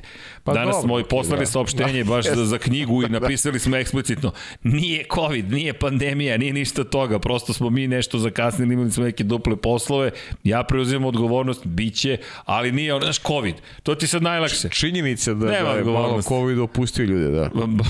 Čuj. Pogotovo sada, ono kada to više nije tako, ovaj, da kažem, ajde, mislim, ajde, ne, vidi, čaleta sam, ne, ne, ne, ne, ne, želim da govorim. iz Čilea. Nis, nisam doktor, neću govoriti, ne, ne, ne, ne, ne, ne govorim ništa. Jeli vidi, gdje god da smo sleteli, pa pa COVID, ludilo i tako dalje. Da, Nigde da. ga kolica nisu čekala. Nigde. Tako. Dakle, setimo Pariz, Pa nisu nam napisali u Santiago da je potreban wheelchair, kao pa nema. Sediš na gejtu i čekaš, ne možeš da uđeš na terminal jer nema kolica. Beogradski aerodrom sve najavili Pa nema nikoga. Ok, čekaj, pola sata no. u avionu. A dobro, bar smo videli kako izgleda čišćenje aviona, sređivanje aviona. Upoznaš ljude. Ti to, ti to bori, sre, su bili to bori srednje. On je u penziji. On je čovjek sa penzioner. Mada, mada, hoće u Katar. A, na trku. naravno da hoće. Naravno, i rekao, Naravno da e, imam hoće. neki hotel, od kako ti znaš koji hotel treba. Mada imaš posebne pozdrave od Borisa. Pa Pozdrav. pisao je i malo pre nešto. da. Prozivka neka pala. Da, naravno. naravno. Nije, nije, tradicionalno. Nije, nije sve za javnost. Ali da, u svakom slučaju raspoloženje je na, na, ni, Jest, na nivou. jest, jest. Da, da, za malo da zaboravim za, za, za nove vozače, ali dobro, Duan je stigao, dakle, i taj izbor meni jeste malo, malo, malo, Pa moram ti reći. Jes, slažem se s tom. Zbog, Problematičan. Pa da, zbog, zbog tih pratećih stvari koje, koje smo naveli, da, to je, to je cela priča. Jer, Nisam siguran kako, kako planiraš da se tu proguraš. Pre, Christian Lungard, nemoj da... Ej, Christian, Christian Lungard, Lungard. otišao čovjek u IndyCar, nije bilo mesta gde će. da, da. Otišao da, da, čovjek u IndyCar. Ok, super. Isto je Christian Ludgard, mislim ti, ono, Deki, Deki zna, mislim, nje- njegov otac koji je šampion u reliju, ono, ima, ima, ima, ima pet, porodični pet igre, aj tako da ga nazovemo. Ali eto, nije, nije mogao da prođe. Ali strašan vozač. Ma on je bio moj onako favorit i senke prošle godine, međutim nisu stvari išle kako treba. Ne, ne, znaš, mnogo je bitno da se poklopi u sportu kockice, znaš i sam, nije samo u, u Formu 1, nego, nego generalno, nego je, tajming je mnogo važan. Tajming je možda i ključna, ključna reč. Prosto, Christian Lugard, eto, ide nekim, nekim zaobilaznim putem. Ko zna, možda se otvore neka vrata. Pa da, mislim, teško u Formuli 1, Teško, ali ali kad, odeš, otišao kad si odeš iz tog sistema, teško se vraćaš. daleko od očiju, daleko od Ali dobro, možda jedna lepa karijera. Mislim, ovo je, ovo je super takmičenje. Indikar. Jeste. I bit će na 500 milija Indianapolis. Pa. Da se vratimo opet na tu Tako priču. je. I bit će sa Re, on je sa Rehalom potpisao. Da, tako? da, ne, ne, ne mogu svi u Formuli 1. Ne, ne mogu. Inače, ima priče o Formuli E, evo dobacuje mi ovde Dom Pablo, da pričat ćemo i o, i o Formuli E, ali pre toga, samo par stvari, Franz Tost se oglasio sad na dve, inače uz Duana rekli smo Coldwell takođe se pridružio cijeloj priči, Oli Coldwell koji je imao uspone i padove, vidjet ćemo, Oli Coldwell malkice sam skeptičan, ali okej, jednostavno Loran Rossi se oglasio izvršni direktor Alpine koji je rekao da za njih Akademija Alpinina vrlo značajna iz perspektive onoga što žele da postignu u Formuli 1 i eto, da vidimo kako će to sve izgledati. I da ne zaboravimo to, ne smemo da zaboravimo kad smo pričali o Oskaru Pjastrinu, on je došao sada kao rezervni vozač u ekipu. Pa eto, vidjet ćemo, navodno on čeka Gvanju Zhou da ode iz Alfa Romeo, ja ne vidim baš da će to tako biti jednostavno, bojim se da će on izgubiti jednu godinu, možda čak i dve. I onda ćemo doći na ono pitanje gde si bio u kom trenutku i koliko je tajming važan, kao što je to za Miloša bilo takođe važno. Inače, Tost je rekao da će smanjenje budžeta biti efektivno, to jest da će se osetiti zapravo tek 2023. Ove godine je 140 miliona dolara je ograničenje, prošle godine je bilo 145, uz činjenicu da su hteli više sprint trka veliki timovi da bi dobili veće budžete, da se od toga odustalo, idemo na 3 rekao je naredne godine će se tek osetiti efekat. Inače, to, to je bio dosta rečit u, u, u ovoga vikenda. Rekao je takođe da se pribojava na osnovu prvih simulacija da novi bolidi će moći da prate kako su i želeli izmenama pravilnika tehničkog u sporim krivinama, to je krivinama niskih brzina i srednje visokih brzina, ali pri visokim brzinama da će biti vrlo teško pratiti. Gde će onda možda doći ta činjenica da je zadržan sistem za umanjenje aerodinamičkog otpora DRS na bolidima kao nešto što je veoma važno. Tako da Tost je prvi od velikih šefova timova koje je baš pričao o tome šta očekuje od novih bolida. Pa eto, vidjet ćemo, Tost je neko ko prilično dobro zna svoj posao, ali eto, 2023. očekuje veći efekt zapravo smenjanja budžeta i dobro i loše, rekao da se oni ne samo on, Alfa Romeo je pričala o tome zapravo koliko je teško skupiti budžet, s druge strane, manji su nego što su ranije bili, pa možda ta ograničenja nešto i pomognu. I još jedna bitna napomena, u skladu sa plasmanom u šampionatu konstruktora, ko je lošije bio plasiran, ima veći, veće vreme, to je radne sate na raspolaganju u Computer Fluid Dynamics programima, CFD softverima, dakle moći će više zapravo da radi kada je reč o simulacijama, nije samo simulacijama, nije to pitanje samo simulacije, već uopšte projektovanju bolide, tako da eto, i aerotuneli će igrati veliku ulogu itd. itd. itd. ali to ste eto, imao je šta da kaže. E, i još jedna bitna napomena kada pričamo o tim stvarima, Formula 1 će krenuti da gradi po širom sveta takozvani entertainment hubs, da ne kažem zabavne centre, centre zabave. Air Factor 2 će biti zapravo osnova simulatora koji će praviti, ko nije pratio Air Factor 2, dakle je zapravo aplikacija, hajde da kažem aplikacija, sve to software naravno, ali pojenta sa Air Factorom 2 da je uzet kao osnova i ajde da kažemo, možemo kažemo da je igrica, trkački simulator zapravo. Image Space je razvio Air Factor 2, ono što je poenta Formula 1 je uzela Air Factor 2 i napravila je posebnu verziju za svoje potrebe i po onome što se najavljuje, širom sveta ćete moći zapravo dodati u simulatore i da malo bliže upoznate kako sve to funkcioniše. Inače, um, Studio 397 radi na razvoju tog dela praktično igre, inače oni su deo Motorsport Gamesa, tako da opet sve se to povezuje, imaće licencirano prava da koriste bolide Formula 1 i prvi centar će biti otvoren u Londonu. Ono što je plan jeste 30 gradova širom sveta, Sjedinjene američke države, Velika Britanija, generalno zapadna Evropa, Bliski istok i Azija I Ben Pinkus, inače direktor komercijalnih partnerstva u okviru Formule 1, je rekao da su vrlo uzbuđeni što će ovo da, da učine, tako da ćemo mi obaveštavati gde bi to moglo sve da se dešava i nadam se da ćemo svi zajedno imati prilike da to probamo s obzirom na činjenicu da to i tekako nije mala stvar napravljena. Dmitri Kosko, inače, je izvršni direktor Motorsport Gamesa, rekao da će to biti nešto najbliže Formuli 1 što možete da zamislite. Dakle, plan nije da se napravi tek tako neka arkada, već da dođe do toga zapravo da možete zaista na najbliži mogući način da iskusite Formulu 1. I mislim da je to za sve nas, ljubitelje Formule 1, velika stvar. Mislim da kada se to otvori da će tu biti ozbiljni redovi da se to proba. Inače, saznao sam da postoji simulator letenja u Beogradu, tako da to moram da ne probam vrlo ozbiljno. Eto. Okej, okay. I to su dodatne informacije. Šta kažete? Lepo. Inače, ono što je zanimljivo za Motorsport Games, uh mhm. -huh. samo još jedna napomena, to je američka kompanija sa, sa, sa sedištem u Majamiju. I sve već je upliv zapravo industrije iz Sjednih američkih država ka Formuli 1 i obrnuto. Vidjet ćemo, naravno, već znamo otprilike kako je to uticalo na ono što se trenutno dešava. Ja držim palče da će zadržati ono što je suština Formula 1, dodati eventualno veći taj moment zabave, zato što je neminovno će se desiti, ali da ćemo zadržati ono što je Formula 1 kao osnova. I mislim, koliko god mi se ne dopada ekstremna reakcija što britanskih medija, što navijača, da njihova reakcija će doneti dobre posledice, zato što Međunarodna automobilska federacija ne sme da ponovi situaciju koju je napravila Abu Dhabi u prošle godine. I da je to nešto pozitivno što će desiti i takođe Liberty Media da je osetila gde je granica guranja ka zabavi, a gde moraš da staneš i da kažeš čekaj, ako pređemo ovu granicu biće haos. Jer da je osvojio Lewis Hamilton, Isto bi bilo sa navijačima Maxa Verstappena, pošto je Masi i pre odluke da pusti trka da se završi način na koji se završila, već bio prekršio pravilnik. Tako da haos bi bio, haos je bio da. zagarantovan. Tako da se nadam da će ovo dovesti do toga da manje imamo haotičnih situacija. Toliko za kraj ovog zvaničnog dela programa. Jej. Ali, da im pitanja, Inače, Nebojša Živanović, Montoya mi je bio omiljen i posle sene, sada sam u Maxovom taboru, pozdrav za ekipu, uživanje slušati. Pozdrav Nebojša. Pozdrav Nebojša. Uživanje pozdrav. ekipu Poptas i je. Formula E. Čekaj za malo da odem od Formula 1, Dom Pablo me više ni ne gleda, sad samo pokazuje na strujni priključak. E, i, imamo da najavimo sledeće nedelje, znači sledeće nedelje Daytona. U 500 milija Daytona. Sledećeg vikenda je Daytona, da. Pa je, šta ti kažeš da se Sad da malo popričamo o NASCAR. Pa možemo, da. Možemo. Šta misliš? Pa, jedan mali specijalčić. Pa možemo da popričamo. Malo ipak NASCAR. NASCAR zaslužuje pred Daytonu pa da ne, se priča o njemu. Daytoni, o Daytoni treba pričati. O Daytoni treba pričati, da, zaista. To je specifično. Daytona je eventualno poslednja trka sezone. Tako je. Ovo je između propratimo malo rezultate, ispričamo se, ali generalno... Sve, se slaže. NASCAR... Ono što smo rekli i sa, i sa našim dragim Božim, naravno. Uključiti ga ovaj, u neku procenu sezone i tako.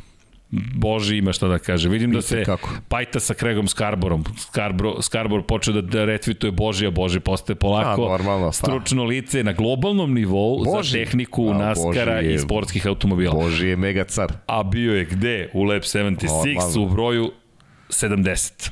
Tako je. Promovisali smo buduću zvezdu. Buduću zvezdu, Boži. Ma ne buduću, ako slušaš, zvezdu. ako slušaš, Očekujemo majicu da nosiš. Budeš Tako naš je. brand ambasador globalni. Opa, Boži je car. Zamisli to, mada imamo Andreja Isakovića, je li tako? Koga? Hasan Bratić, gospodin Hasan Bratić. Hasane, pozdrav ako slušaš, naravno.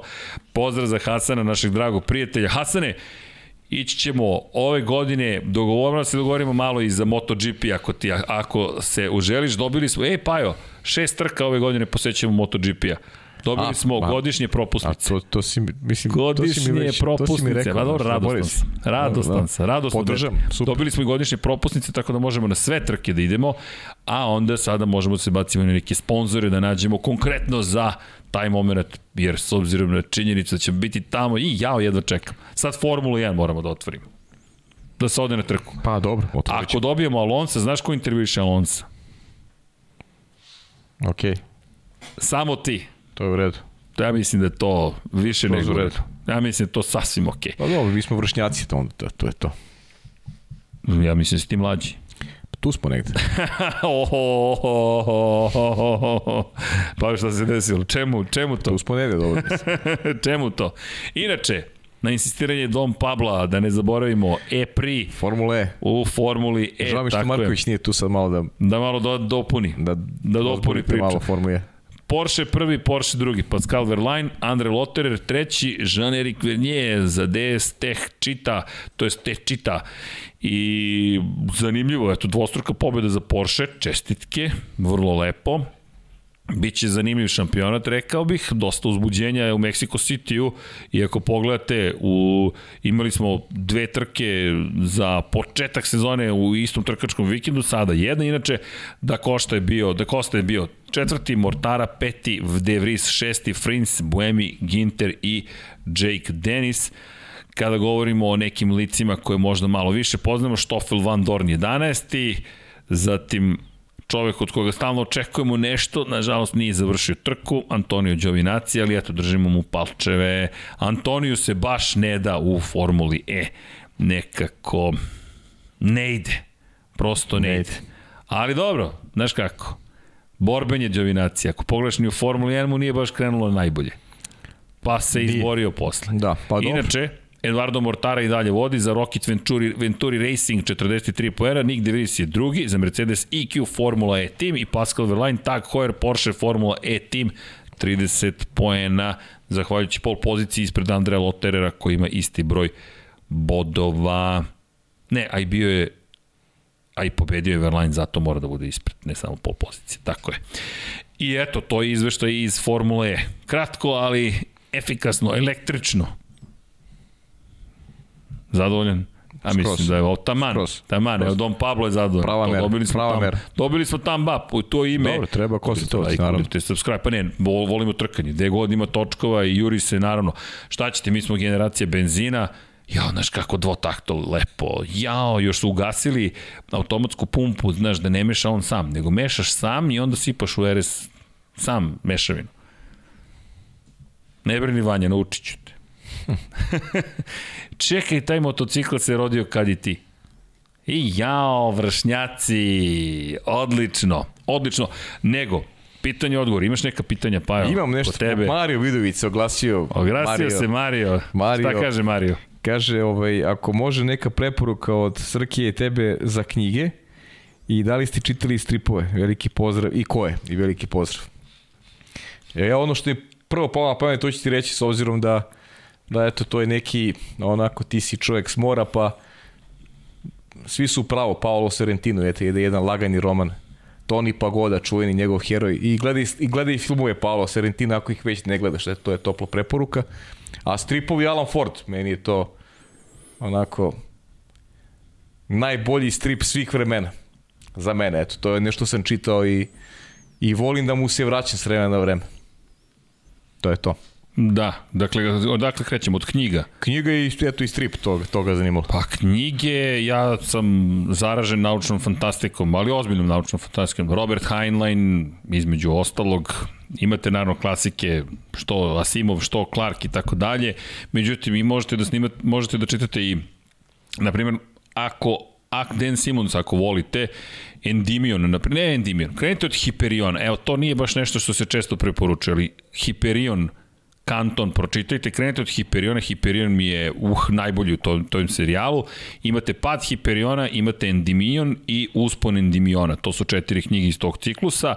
Možete da čitate i ne, ne primjer, možete da čitate Larija Nivena, to je zanimljivo, Jerry Pornell i Larry Niven, svašta su pričali, to je pisali, to je dobro, Ring Worlds, pa onda možete, ne znam, s one, plave, s one strane plavog obzora događanja, Kapija, to je dobro, tranzitna stanica, Stanislav Lem, Ima, ima svega, evo, Dom Pablo kaže, polako, dečko, znamo da si čitao. Da. Ali eto, to, to su neke knjige koje ja, bih tako preporučio. Jedna, Ajmo jedna po jedna. Da, eto. početak, mislim, malo starije, ali ja... Ne, ovo su sve starije knjige, Mario, ne znam ni da li su prevođeni. Da, Mario je čovjek s mora, pa ovaj duh malo napulja i ume to lepo da ovaj Paolo Sorrentino da... Ovo je duh da. kosmosa.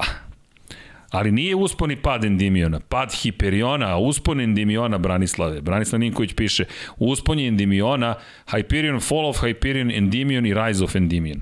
To tako ide. I to je sve, ako niste čitali Kica, čitajte Kica. Ako ne znate gde je sahranjen, u Rimu čovek je preminuo kao mlad pesnik, zanim, impresivne pesme. Hiperion je zapravo njegova pesma, odatle to i, i kreće cela ta priča. Ima tu zanimljivih veza. A možete i kriptonomiko ako volite akciju, ali da stanemo. Što se tiče, šta smo rekli, filmovi, stripovi? Stripovi, da. O, stripovi, oh, oh, oh, oh. mi imamo porodičnu kolekciju, imamo 276 originalnih Alana Forda, još iz 80 i neke. Max Magnus je naravno tu, zatim Asterix, talični tom, to se sve čitalo. Ma da, ali eto, ja sam izabrao po jed, ono... Čekaj, a, a ne znaju ljudi. Predlog. Mario, ako se sećaš stripoteke, ne znam koje si godište, studio na kraju univerzuma ima kolekciju svih stripoteka od prve do poslednje koje su ikada objavljene, tako da to, to je naše mišljenje o stripovima. Ma, Louis Crandall, Čelična Kanđa, Rip Kirby, pa, da. Modesty Blaze, za one koji eventualno ne vide, ovde vam se nalazi Rip Kirby, Tako da imate kolekciju Ripa Kirby, a koga se seća, srebrni letače tamo, a to su samo delići. A znaš, i, i, tako da. ja sam recimo, sve sam čitao, sam skupljio sam Alana Ford. Kaže Branislav Dević, lako prvo Rossi da stigne, lako ćemo za sci-fi. da. Hvala Branislave, zaslužio sam to. tako je, da. zaslužio sam, ali dobro. Da, Elvis Šarić, treba bih vam pozdraviti lep pozdrav iz Kazina Bih, kada budete išli na VRC u Hrvatsku, blizu smo Zagreba, imamo želju ugostiti vas. Hvala na pozivu, rado ćemo da dođemo, hvala, verujte. Hvala. Ako vas put nanese ka Beogradu, studiju na kraju univerzuma je otvoren, samo se javite. Tomislav Ivanić kaže Korto Malteze. U da, mojoj pa, nekadašnjoj dečoj sobi jest. stoji poster. Obavezno nekoga ko, ko, ko sam ja hteo da mi bude devojka, ali nije i ona, ali sam makar dobio poster Korta Maltezea. e, to je Vanja i isto kad si se ti rodio. I tako, tako je. Pozdrav svima malo vesti o Ferrariju, priča se da već ima manjak snage u agregatu odnosno na Mercedes i Red Bull. Istina da, ili priča? Smo o tome, da. Da, pričali smo o tome. Prošli Za Pavla, podcastu. kakav Juventus očekuje i da li je Vlahović baš taj? Uh. Pa jeste taj. Jeste taj, promenio je malo način igre Juventus. Imaju malo širinu i ajde sad ne ulazimo u neke klubovske priče, ali meni se sviđa ovaj Dušan i, i to je to. Ove godine nedovoljno za titula, četvrto mesto u redu. E, da, inače, čekajte ovde.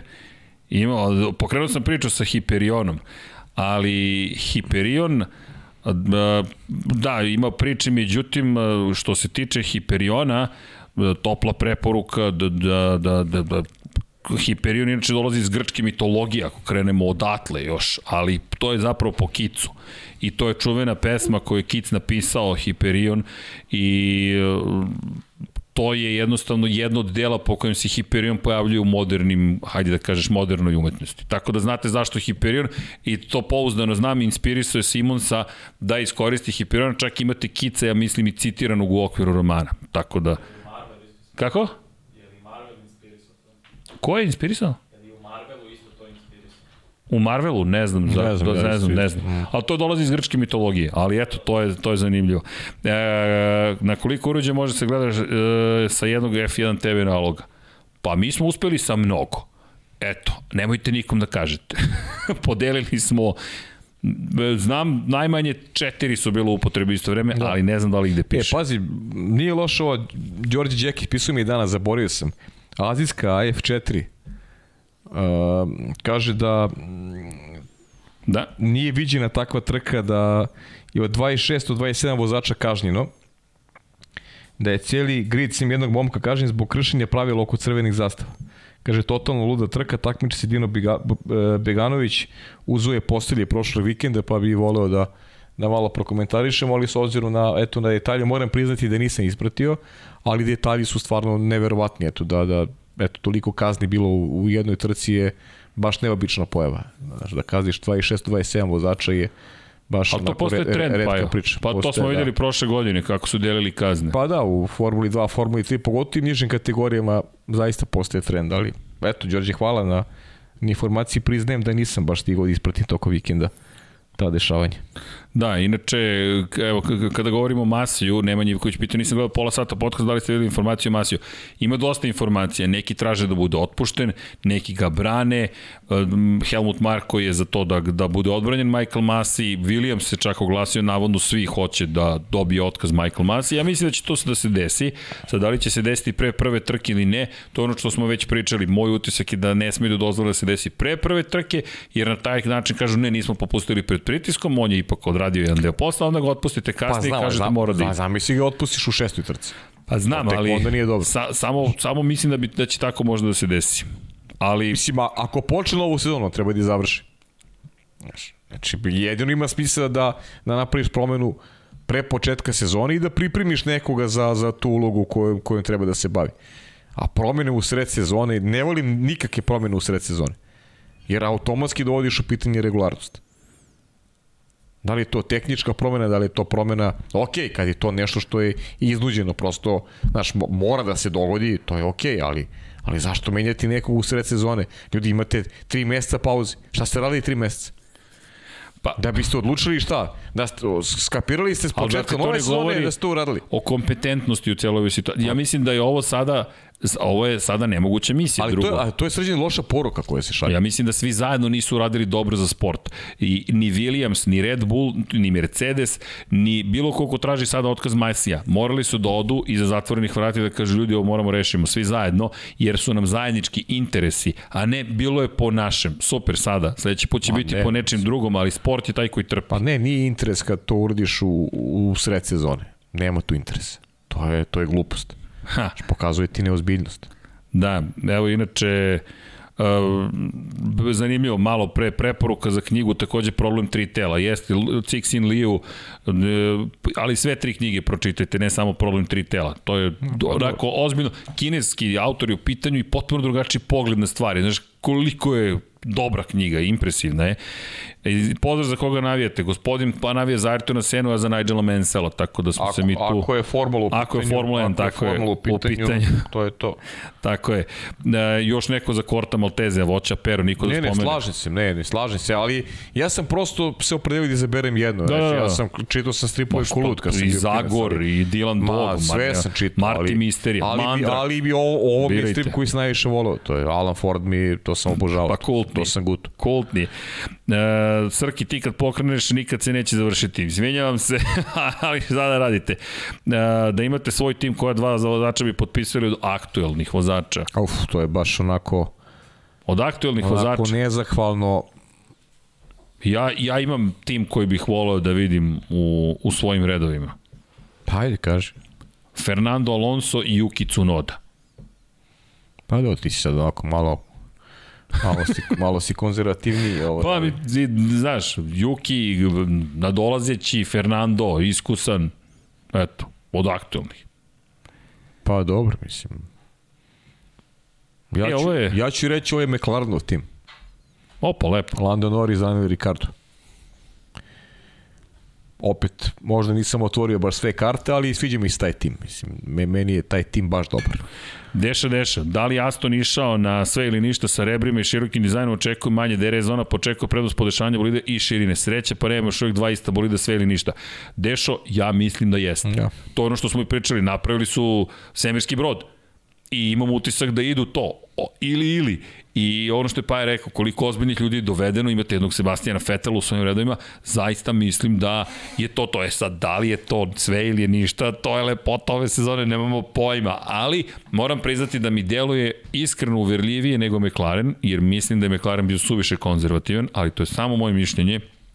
Ovo je klasičan dizajn ere prethodne decenije što više suziti zadnji kraj bolida, što bolje kompaktnije spakovati motor, što više povećati zapravo taj downwash, dakle neku vrstu nizgona stvoriti duž cele površine, ali pitanje da li je to idealno rešenje kada imate taj efekat tla i videli smo kod Alfa Taurija kako ide, bukvalno tunel su napravili između gornjeg i donjeg dela.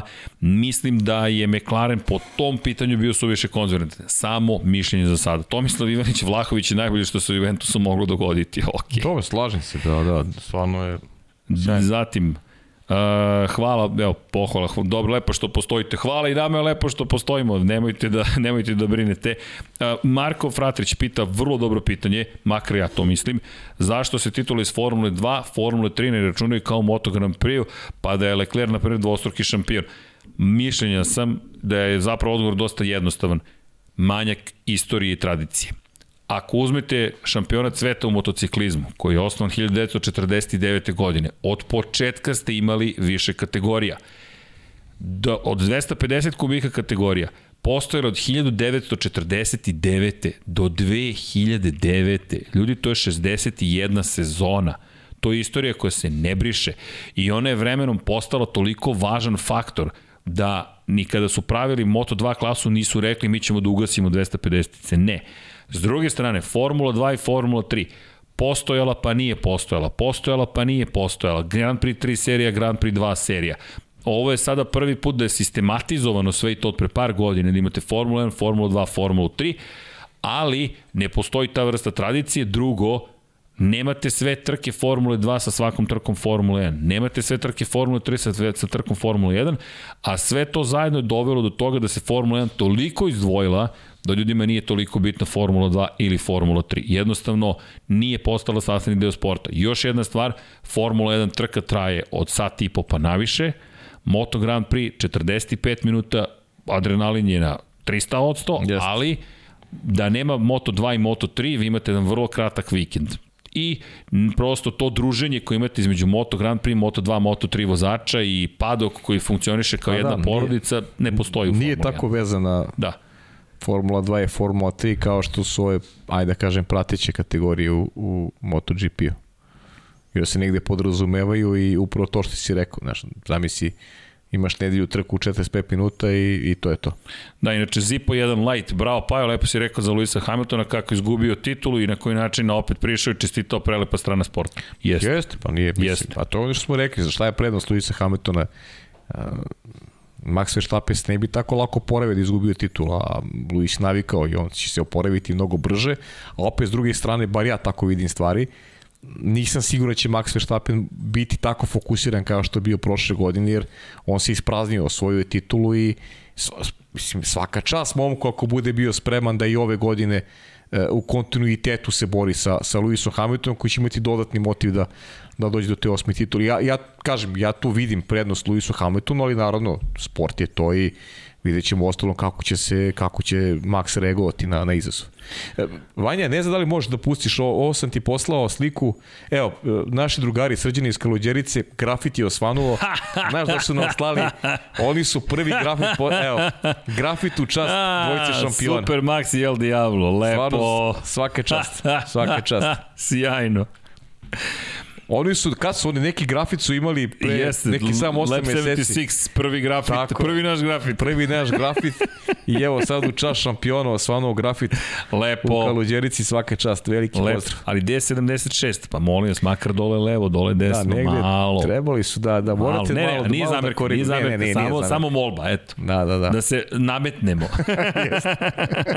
da, bu, da budemo u šampion. Sad se pozivamo po da kućama. Da budemo u šampion. Ali sjajno, jako lepo. Bravo, Jeste, divno, svaka Bravo. čast. Č, svaka čast, još ste lepo tagovali i Fabija i Maksa. Jest. Lepo. Jest. lepo. Čast. Pa i, i, i nas dvojicu krajnji slučaj. I nas dvojicu, tako je. da. Dobro, hvala, Lepo. ali zaista hvala. Da, šta ovde još imamo? I resničanin koji šalje sve moguće emojije, hvala. Zatim, zatim, šta sam propustio, čekajte, pobeže mi. Da li očekujemo veliki skok Landa Norris ove sezoni Danilo Orović, pita. Pa ja očekujem skok, ali opet će zavisiti od McLarena. Ako McLaren je napravio bolid kako treba, bit će zabave za Landa Norrisa. Ako nije, malo, malo će to sve teže da funkcioniše, ali ajde da poredimo to sa Danielom Ricardom i odnosu na to. Komentar za Izivo Viškovića u svom podcastu se teniseri, teniseri više zamaraju nego NFL igrači.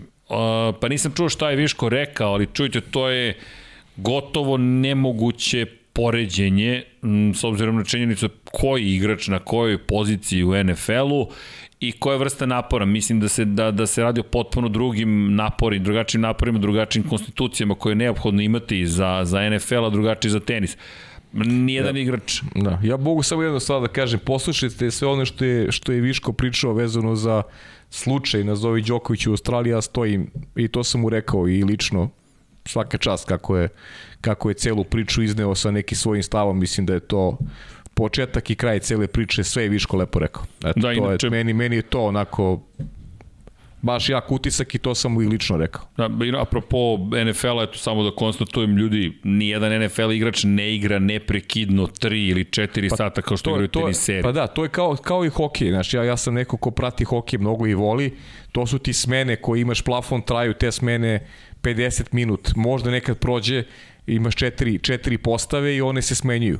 Naravno da ti glavni igrači kada se lomnju utakmice najviše jedna provodna na ledu, ali oni igraju po smenama koje traju, kažem ti, teško, redko kad ta smena traje duže od minuti 15-20 sekundi i samo se menjaju te, te postave i to je velika potrošnja, ali naravno niko, niko ne igra ni u hokeju, ne igra neko tenis, pa, igraš tenis, neka traje, traje meš preko 5 sati. Napravio paralelu, izvini, više sa Formula 1, MotoGP-em i tenisom ti imaš u Formuli 1 sat i po gde si ti stalno izložen naporima. Jest. To delo je neko mi rekao na nekoj proslavi, pa samo vrte volan levo desno. Rekao, volao bih da sedneš u taj bolid i da odeš samo na prvo kočenje, pa kad ti budemo vadili glavu otprilike iz kokpita, da ti vratimo nazad jer vrat ne može da podnese tu silu, shvatio bi ne, koji su napori. Znaš kako, sve je potrošnje, znaš, naš NFL, ja ne pratim NFL, ali mogu da vidim, ti trpiš veliku količinu udaraca konstantno i ti u toj smeni koju provodiš na terenu, znaš, te, tvoje telo izloženo dodatnim naporima, znaš, ti, ti, ti bukvalno dobijaš batine, znaš, u, Jest. u, u, drugačiji u, toj su smeri.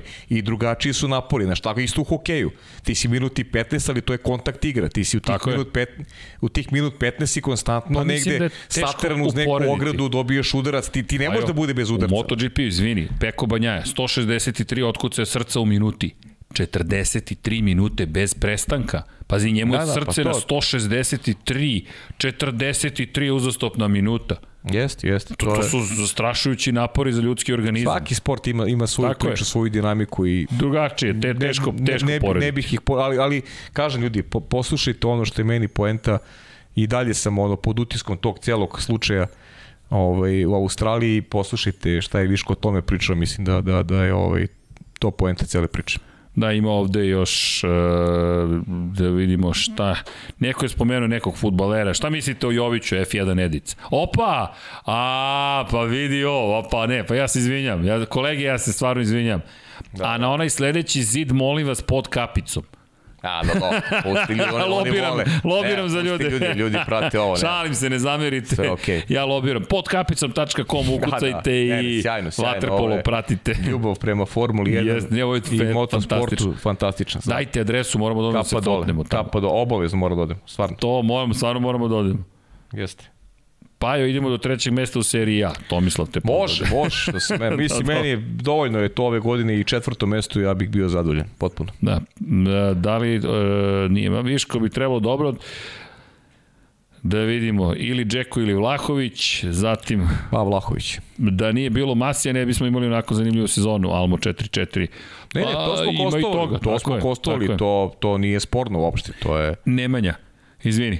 Može. Da li možete u nekim narednim podcastima malo pojasniti kako funkcioniše kada se ode uživo gledati trku, na šta treba obraćati pažnju? Pa srđene, to te pre, prepuštam, ja nikad nisam tu, tu vrstu privilegije da gledam, mislim da gledam uživo profesionalno, tako da, da I mislim pa. da smo ta, da si čak imao, to je možda nije loše jer si ti tradio, to je možda za, za podcast MotoGP, realno, ono, za, za podcast uh, Jest. koji radiš sa, sa Dekim. Pa da, pa ispričat ćemo vam ukratko, reći ćemo vam zapravo kao najava šta u treningu da uradite, gde da se pojavite, u koje vreme da dođete, sad zavisi od države u kojoj idete. Ako idete u Italiju, prvi i osnovni savet, nikad autoputem, nikada, ponavljam, autoputem, nikada autoputem. Ne šalim se koliko god vam smešno izgledalo da neće svi otići na sporedne puteve, nikada autoputem. Da ponovim, dakle nađite lokacija koja se nalazi za spavanje da možete da dođete bez korišćenja autoputa, na primjer Muđelo je čuvena priča, odete u Firenci, bolje da spavate u Firenci da idete u Muđelo,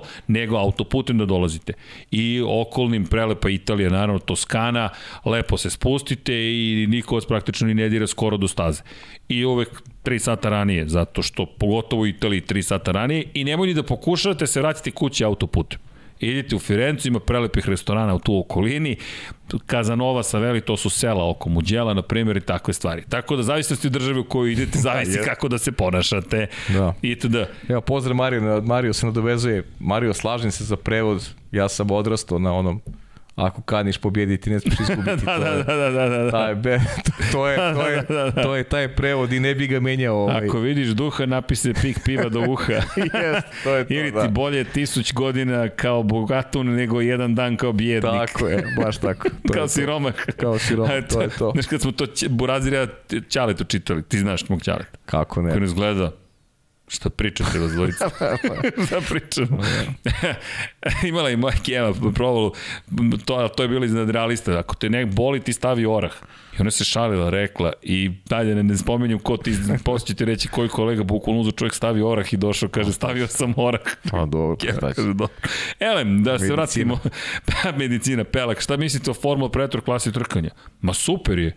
Ljudi, svako trkanje je super, nema, mi smo mišljenja da naravno da bude bezbedno i da se lepo zabavite, ali to su super stvari i, i to su, sve su to ozbiljne formule, ko nije, karting je ozbiljan, Naravno, ponekad može da bude i malo preozbiljan. I naši italijanski kolege svoje vremena su u Barceloni imali trku medija, preskakali su nas bukvalno, ja, ja, malo čovjek nije im prešao preko glave. Samo da. u cilju da se pobedi. To, to je samo, da se zna da je to i dalje opasno. A nisam baš nešto bio brzo sa svojih 105 kila, ne, ali sam bio stabilan na kočenju. Teško, teško ide brzina. Samo što tamo nikad neko samo puštaš gas, ali dobro. Zagor Tenej, kaže Tomislav. F1 Kro, obri se čovjek pitanje. Udrite pitanje. Da li možemo očekivati neki vlog kako izgleda prenos iz kabine? Pa, što, zašto da, da ne? Što da ne? Donećemo GoPro i snimiti. Što da ne, može. Aki može. Vujki, kako je bilo u Čileu? Toplo, ljudi, toplo i lepo. Vratili smo tatu i mamu kući u funkcionalnom stanju sve kako treba. Šta mislite o novim izgledima bolida za 2020 kojom se najviše sviđa? Pa, pa meni je lepo što se desila promjena, dobro izgledaju na stazi, koji mi se najviše sviđa? Ja stvarno ne znam, ne znam. Pa ne znam, još je rano, ali Aston Martin mi priliči pažnju što je drugačiji.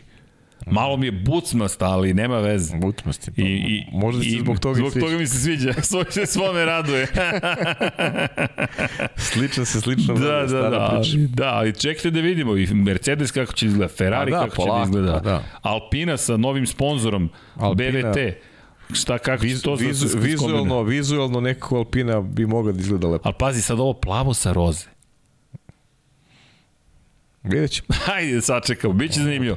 F1 Kro, ipak je postavio čovjek pitanje, je li po vama McLaren bio bolji od Ferrarija prošle sezone, samo su onako Monci imali puno nesreće, Norris bio treći, po, četvrti. Po meni jeste bio bolji. Pa jeste i bilo je pehova, ali mislim da ono što je Paj rekao, i da su rekli, ej, 2022. dolazi. Fokus. Jer pazi, da ti kažem, šta veliki timovi vrednuju pobede? McLaren imao pobedu. Ferrari nimao neke spektakularne rezultate posle Monce, ali prosto iskoristio te slabosti koje su se pojavile kod McLarena i, to je to. Jači utisak je na mene ostavio McLaren prošle godine, definitivno. I, nije to samo jedna pobeda Ricarda, već setimo se kakvu je šansu imao Norris da pobedi u Rusiji. I bio vrlo blizu. Ferrari nimao ni jednu takvu šansu da, da dođe do, do, do, do triumfa kao što imao McLaren. Monca. Monca je moje mišljenje da bi McLaren pobedio i da nije bilo incidenta između Maxa Verstappena i Luisa Hamiltona. A to je u konstelaciji snaga koju smo imali prošle sezone ogroman benefit za, za, za britanski tim. Ferrari ni izbliza nije, nije imao sličnu poziciju. Inače imamo oh, Joksim Radović, Saga je dobar strip, odličan strip. Zvezdani Udarači, ko je gledao Maxi Super, čitao Maxi Super, u, najamnik. Ko nije čitao najamnika, čitajte najamnika. Ali to su sad neki spunk, punk već momenti. Grujica, Megaton Man itd. To iz daleke prošlosti pre nego što je Marvel zavladao kosmosom, mada i Marvel smo mi tada čitali, Thor je bio inteligentan, i napaćena duša, malo drugačije to funkcionisalo. Kad kažem inteligentan, nije ovaj neinteligentan, ali je bio hiperinteligentan i onako dosta dramatični. Ali to je sve Iron Man, nevazan tip potpuno, da nije Roberta Downey Jr. ne bi se niko ni bavio Iron Manom. Osim što ga je razbucao Thor kada mu je ukrao munju. I to je bilo to. Da li vi kao e, novinar imate mogućnost da pošaljete predlog ideju kritiku FIA organizaciji? Pa možemo, da možemo, ali to mi je opet pitanje koga znate i s kim stvarno pa možete da, da, da pričate i ko vas hvata dovoljno ozbiljno. Upravo to. Mi, na primjer, sa Dornom imamo malo bliski odnos, I onda, na primjer, ali to nisu sad kritične neke izmene, ali nam traže mišljenje. Šta se dešavalo? Često zna da se desi da učimo lošu grafiku, na primjer. Evo sad smo imali korekcije za, u samoj knjizi za Rosije, neki godine se pomeša, svi grešimo, ljudi, to je ljudski. I sećam se to da, da u više navrata se desilo da im ostane grafika prethodne staze, a počeo vikend. Trening broj 1, rano je, ko to prenosi, ko to gleda dobro, i oni se opuste ma, ljudi. Ma ja isto no, ne, pišeš, ne pridem, ej, znači. drugari, ostala vam stara grafika.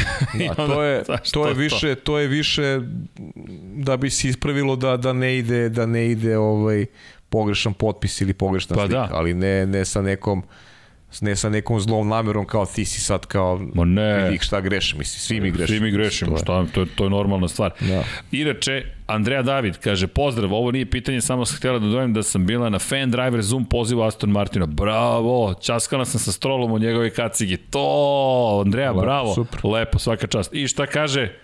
To je šta pa vi da. kažete o njegovoj kacigi. Inače, pa ne, Bane, Bane... I, i, i šta kaže o, o celoj priči, o, kakav yes. utisak ostavio i misli, to su neki to su neke prilike da upoznaš onako čoveka i da i da stekneš neki utisak i lepo je poet. Mislim može da podeli to sa nama ako želi. Naravno. To bi bilo to bi bilo zaista da. lepo.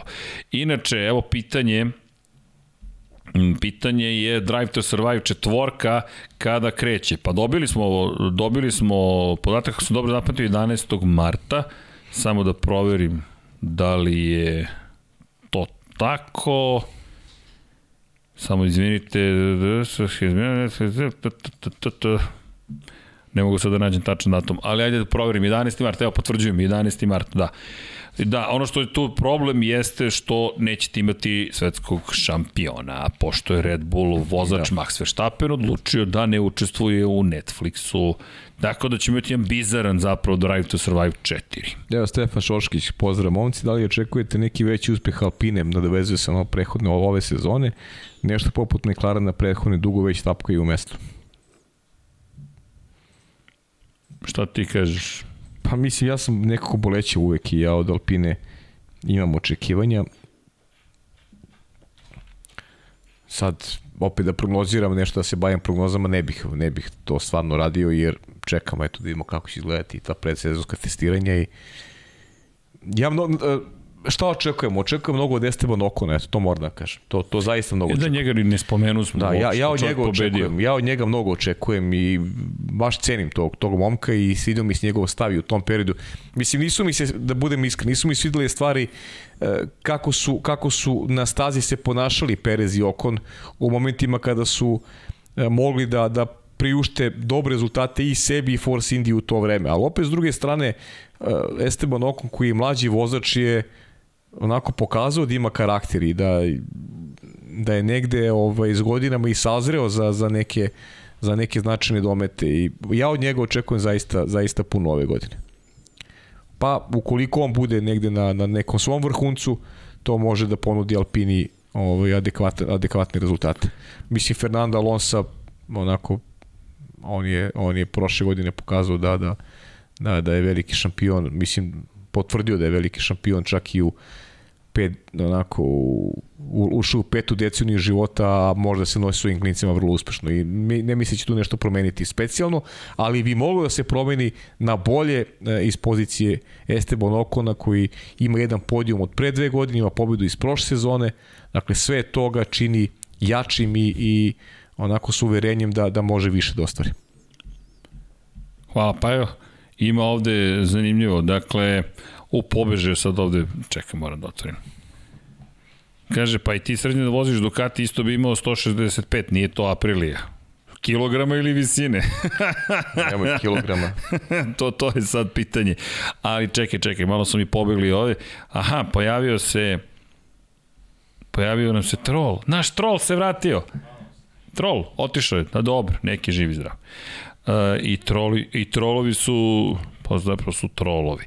A, sad mi je pobegli su mi neki komentari. A, da li postoje indikacije zameni trka Australije za Istanbul? Za sada ne, Australija sve radi kao da će se sve najnormalnije no. organizovati. Postoji li neki konkretan razlog zašto više ne vozi Formula 1 na stazi Manjikur?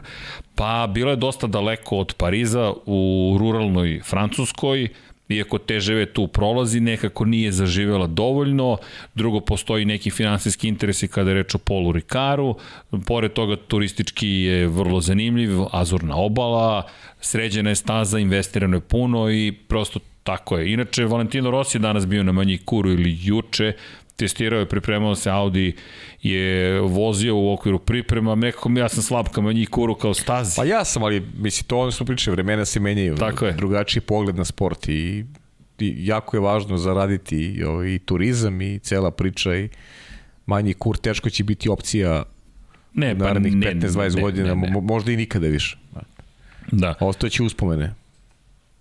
Kaže, ne mora da se vozi F1 da se vidi koliko naporne kad neko odvezi 10-15 minuta na kartingu, 10-15 minuta je premalo za karting bez pola sata ništa, odgovara Nemanja Ranku. Jeste, pa zavisi, ali... Ma ne, činjenice. Ja, ja, pa ljudi dođu, bride im ruke posle kartinga i ovako se drže, a, ne mogu da pusti šake. A ne samo to, znaš i sam srđane, kad si o, onaj kombinezon, kad, kada vozi 10 minuta, to je, to je natopljeno znojem, to, to je stvarno oz, ozbiljna potrošnja. Jeste. A kamoli je vozači koji voze trke, to je, oni gube po 6-7 kg gube tokom jedne trke. Pitanje za tebe, hoćeš Kaži. gledati MotoGP ove sezone?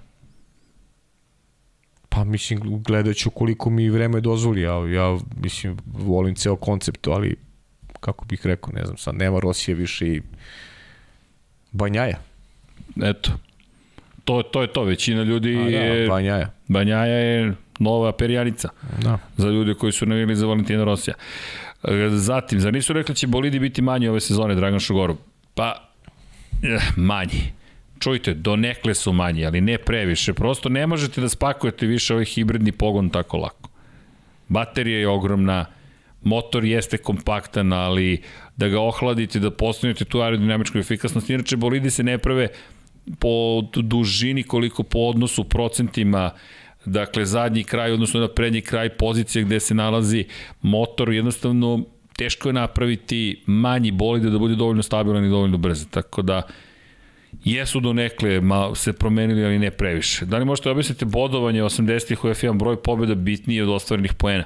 A, nije samo broj pobjeda. Tada ste imali jedan period, u jednom periodu ste imali, to se smenjivalo iz, praktično iz godine u godinu, u kojem, primjer, ako se vozi 15 trka, računa se najboljih 11 ili 12 rezultata. Ne se to tačno, nemojte me držati za reč, ali point je bilo u sledećem. Tako je Ayrton Senna i osvojio titulu je koji je suštinski osvojio manje poena u odnosu na Alana Prosto u jednoj od sezona. Point je bilo u sledećem da vam se negativni takozvani outlieri, to jest negativne anomalije ponište.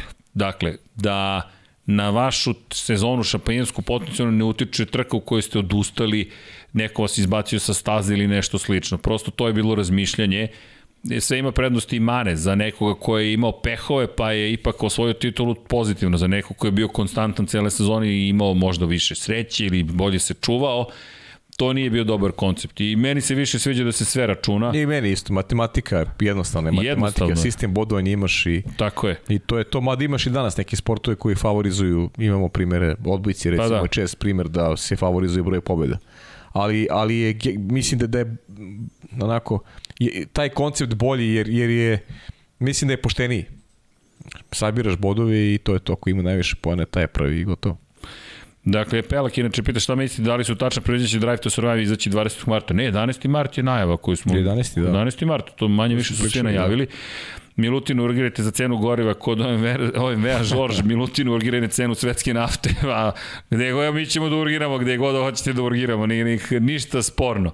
Ali ako je kupujete, kupujete, kupujte kod OMB. obavezno, obavezno. Ljudi, podržali su nas. Čekajte, imamo dva, imamo sponzora koji je sve češće sa nama. Pa eto, ko zna, možda dođe uskoro neki godišnji sponzor. To naravno da nama znači, daje nam sigurnost da i ono što radimo možemo da se investiramo još više u to, da možemo i da zaradimo na kraju. Zašto? Da bismo mogli da trošimo da živimo. Jer treba se održi ova majica sa proširenjem. Čovjek, yes. nije to jednostavno konce sa dodacima. Ali da, tako da hvala. Ovo je, ovo je nešto, nešto da sam imao super pitanje, Vanja ja, tokom Superbola i pitanje je bilo da li, da li ti je ovo najzabavniji posao koji si imao i rekao sam posle posle svega, da, ovo je možda jedan najzabavnijih, ako ne i najzabavniji posao. Žao mi se dač što, ali da, to ćemo... Da, bit će prilike, bit će prilike. Ba okej, okay, vidi, potrefilo se, ali, ali bit će, bit će. E, zatim, da, bilo je pitanje za Leclerc, da li mislimo da može da osvoji titul i da li će Ferrari biti bolji. Ljudi, pojma nemamo. Nema da li Leclerc da. može da bude šampion? Verujem da može. Teže, ali može. Ja verujem da može, ali nije mi od onih zbog kojih ću da, da rizikujem da pojedem šolju. ok, čekaj. Sle, rekao sam sledeći za šolju mi je Lando Norris. Da, Max ti je bio. Max je... je bio, znači neću jesti šolju zbog Maxa, sledeći mi je Lando Norris. Tom Pablo mi pokazuje te to važe. Dobro, te to važe. Te važe, što god, pojeo šolju ili se tetovirao. A, dobro, šta god. Eto, Lando Norris je sledeći. Lando Norris, da. Dakle, tako da Ferrari, znate kako, mnogo je, mnogo je spekulacije. Da li ima slabiji motor? Nemamo pojma. Pričali smo prošle nedelje o tome da je upravo spekulacija u Italiji vrlo ozbiljna da imaju probleme s motorom obično od ljudi koji su vrlo pouzdani izvori informacije, ali eto, ne znamo zaista. Imam jedno pitanje, prošle godine Nemanja Ivković je koristio, -huh. Haas je koristio stari bolid i nije koristio tokene. Da li tokeni iz prošle godine igraju neku ulogu ove godine ili se sve resetovalo novim pravilima? Ja koliko znam ne možete da prenesete tokene u novu sezonu. Dakle, čak ni Mercedes pa nije koji nije iskoristio tako, niste mogli ni ranije. Niste iskoristili tokene, vaš problem. Nije to samo vezano za nova pravila, nego tako je. generalno je bila praksa. Da, inače, evo, nastavlja se priča o, o, o, o stripovima. Strip da, Gaša, inovator sa sve galebom. Sad šta, sam, šta je Mario, šta je Mario, e, Mario pokrenuo? pokrenuo ludnicu potpuno. Da. E, ali Gaša, sad je bio Gaston u, u šar, na, na Charles de Gaulle i razmišljam da li da kupim Gašu čisto fore radi na francuskom i na kraju nisam uzeo, ali dobro, bit će prilike. Diabolik, Dylan Dog, ljudi, Kobra, da. Kobra Papan, ej, Obradović i Kerac, to je zaboravljeno, to je bio domaći strip, ljudi, Kobra Papan, to je... Ma de, mislim, imam, imam mnogo, ko, mnogo. Stavam, ja, tačno znam zbog čega nisam žao da širim priču. Kaže, kako ćete proslaviti Fetelove pobede ove godine? pa ne znam. Pa mi, ne, nekom zastavom nešto. Ne znam, evo, vi dajte predlog. Bude. Banujte ovog, banovali smo ga. Ali oni, čovek voli da otvara nove naloge. Ja mislim da YouTube najsrećniji, ima milijardu pa, novih dobro, naloga. ima ljudi koji... Da, izašla su informacija da je Ferrari u problemu sa aerodinamikom koje su očekivali da, da. njihovog bolida. Pa to, to je to da Conquer. Ne, ne znamo. Ne znamo. Leclerc do pobede u Monaku, da ili ne, Andreja pita. Andreja, odlično pitanje. do pol pozicije, svakako, da, da, da, da do pobede. Da, da. Evo i do, Dom Pablo me potiče, halo, srećan rođendan George. Srećan rođendan George. Čekaj, prošla ponoć? A pa ne, nije još. Jel sad danas mu je 15. Ok, srećan rođendan Georgeu Russellu, ali ako izdržimo još 16 minuta, kome sve čestitamo srećan rođendan? Valentinu Rosiju. Opa! Ako izdržimo do 17.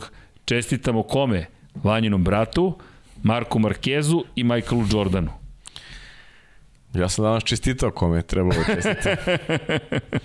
Imamo prijatelju Dekiju, tako da... Da. Hoće li biti podcast 24. maja, idete li na Maidene? Pa Dule, znate kako, možda bude snimak, ali ili možda bude uključenje odande pa nas banuju lepo kao ljude. Možemo i da snimimo podcast. Da li još nekome žao... Um, čekaj, čekaj, da li još nekome žao što nikada više nije uspio osvojiti prvenstvo i nevjerojatno je koliko ga neće od 2018. Ko? šteta, lik zna sve pobednike 1950. A, za, za, za Sebastijana Fetela. Davor. Pa, polako, ko zna. Možda nevažna informacija, life is good, ok, LG se pridružio, ali Oracle traži suradnju sa studentima elektrotehnike u Splitu, može komentar. Ljudi, to je fenomenalno ako traže. Komentar, Da. bravo. Tako I je. za Oracle i za studente iz Splita, to je fantastično. Inače, obratite pažnju na našu nalepnicu. Road Arrow ekipa, mi smo sada zvanično deo tog To, tima. to je interesantno koliko ljudi gleda ovaj, iz Splita, koliko se javlja, zaista. Pozdrav ljudi, zaista. Očigledno da to postoji jedna ozbiljna baza ljudi koji, koji vole Formulu 1 i prate. Veliki pozdrav ljudi, zaista. I mi smo oduševljeni svim. Ljudi, to je, to je kultura, to je umetnost, to je znanje, to je nauka.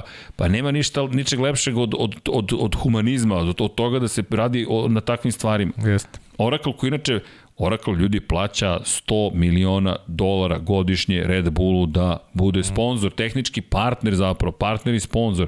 500 miliona dolara na 5 godina je vredan taj ugovor. Mi pričamo o ogromnoj količini novca. Oracle je investirao ozbiljno u Formula 1 tehnologiju i tu imate mnogo zanimljivih tehnologija koje su nevidljive gotovo. Simulacije, pričali smo o tome. Pored toga, transfer podataka da bi se uradio 4K prenos, tome smo pričali nakratko, pre ne znam nija koliko podcasta. Vi morate da imate bukvalno dedicated optical line, znači optičke mreže koje su samo za vas. 4K preneti, to je ozbiljna žurka. Prvo kamera, pa da pošalje taj signal, pa da ga pošalje pouzdano, pa da stigne do, do, do, do celog TV sistema koji se nalazi na stazi, pa onda vi to da spakujete, pa da kompresujete, pa da pošaljete, a da pošaljete dovoljno pouzdano, a paralelno da svakom timu obezbedite optiku koja će gotovo instant da prenese informacije tamo i nazad. Nema tu, i tu gledate da imate što manje posrednika. Nema to javni internet mi koristimo. Ne, ne, to, to teško će da funkcioniše. Tako da imate jednu ozbiljnu priču po pitanju tehnologije, puno pozdrav za cijelu ekipu, ako je to istina, ljudi, svaka čast. Super, Ni, nama bravo. nije nevažna informacija. I zašto spominjem Road Arrow? Postoji ozbiljna saradnja na regionalnom nivou. Mi ćemo ove godine se potruditi da ispratimo Road Arrow ekipu, sticamo okolnosti Beogradskog univerziteta, ispratit ćemo i svaki drugi univerzitet iz bilo kog grada, dakle, našeg regiona. Prosto ljudi, tu smo, da li smo u istoj zemlji ili smo komšije, nama je nevažno, bitno je da bude dobra priča i da se radi o nekim mladim novim ljudima. I iz te perspektive, sa ovom ekipom mi imamo plan da, da, da zajedno radimo na još nekim stvarima. Hajde, evo, ja ću ćutati ovog puta, pa vi vidite koliko nam je stalo da sve ispadne kako treba. U svakom slučaju, pozdrav, zaista fenomenalno. Branislav Ninković, bolidi za novu sezonu su stvarno dizajnerski odlični, ali Alfa Tauri je prelep. Branislav je Jeste. stvar ukusa, super ih, super je. Lepi stvarno Alfa Tauri, super izgleda. E, čekaj, srđane, e, sad mene pozdravlja, pozdravi za vas, kolega Troll, tako da nemojte ništa da brinete, uzvraćam pažnju. Elem, e, da li ovde ima pozdrav, kaže gospodin, pošaljite ih nama u Sarajevo, ora, ekipu iz, iz Orakla, e, gde god neka podrže sve. Šta mislite ako bi, ako bi im poslali vaše viđenje sprint trku uz naravno ozbiljno obrazloženja za FIU? Pa znate kako, nemamo mi taj utici, ljudi, možemo i da se lažemo, ali uzmite obzir da je to biznis vredan ne znam koliko je vredeo na, na berzi prošli put kad smo gledali. 20-30 ljudi, ali milijardi. Mislim da su oni to odlučili mnogo davno, samo Tako su je. smanjili broj i ništa njima, ništa njima nije značilo. I anketa koja se radila, da li su za sprint trke, nisu, pa mislim možete to da nađete, bilo je više ljudi koji su protiv, ali, ali oni su to odlučili ranije, smanjili samo broj tih sprint trka i gledat ćemo to opet uz drugačiji sistem bodnja, pričali smo već to, Pa da. sad ne vraćamo to. je. Marko to. Petković, da li će Sainz ove godine biti bolji od Leclera? Ne znam. Ja mislim, Ne znam, stvarno. Ja, e, sa, e, Leclerc je brži vozač. Leclerc je brz, ali nije, nije pouzdan kao Sainz. ove I opet će tu da postoji neki, neki balans. Vidjet ćemo kako će Ferrari izgledati.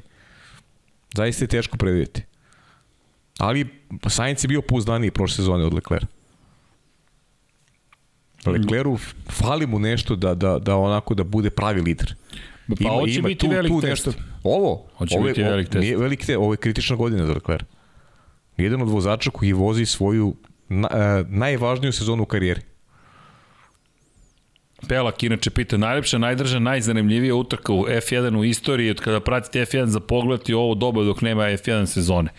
Uh, Najlepša trka u istoriji je podsjeti me godine Ayrton Senna, pričali smo o tome, to je 80 i kada je u Monaku hteo da pretekne prostor za ceo krug okay. i završio u bankini. Nije ni završio trku, to je meni najbolja trka i tada sam, tada sam mislim da sam i plako čak, zato što, što nije pobedio, iznerviran, ljut, ali sam kasnije shvatio da je to u stvari pok- pokazatelj njegovog karaktera i, i, i kakav, je, kakav je to vozač bio. Čemu, čemu i on teži. On je htio da ponizi najveći rivali, htio da gobi za ceo krug i platio je cenu da trku nije ni završi. 80 i koja? Četvrta? Treća možda? Ne, ne, 88. Osma, 8 ili 9. osma. 8. Osma. Ja mislim da je 8 to bilo. Moguće. Opet, Ima, glava, ima s 88. godinama. 88. Osma, eto, 88. Šta još ima? Dobro, još si bio mali. Da. E, najdrža trka, najzanimljivija, čekaj da vidim. Pa, opet meni Sena iskrče u glavi. Ili Donington 90, i 93. ili Brazil 91. Prosto taj čovjek imao neku magiju u sebi. Ali imate puno trka, zaista, koje, koje su impresivne. Inače, Andreja kaže, fin je momak Stroll skroz na mestu, čak me prvi pitao kako sam ostalo, moje pitanje je za sa dizajnom njegove kacige, rekao da uglavnom pravi neke jednostavne dizajne, kada u proteklom periodu angažava neki grafički dizajnere preko neta.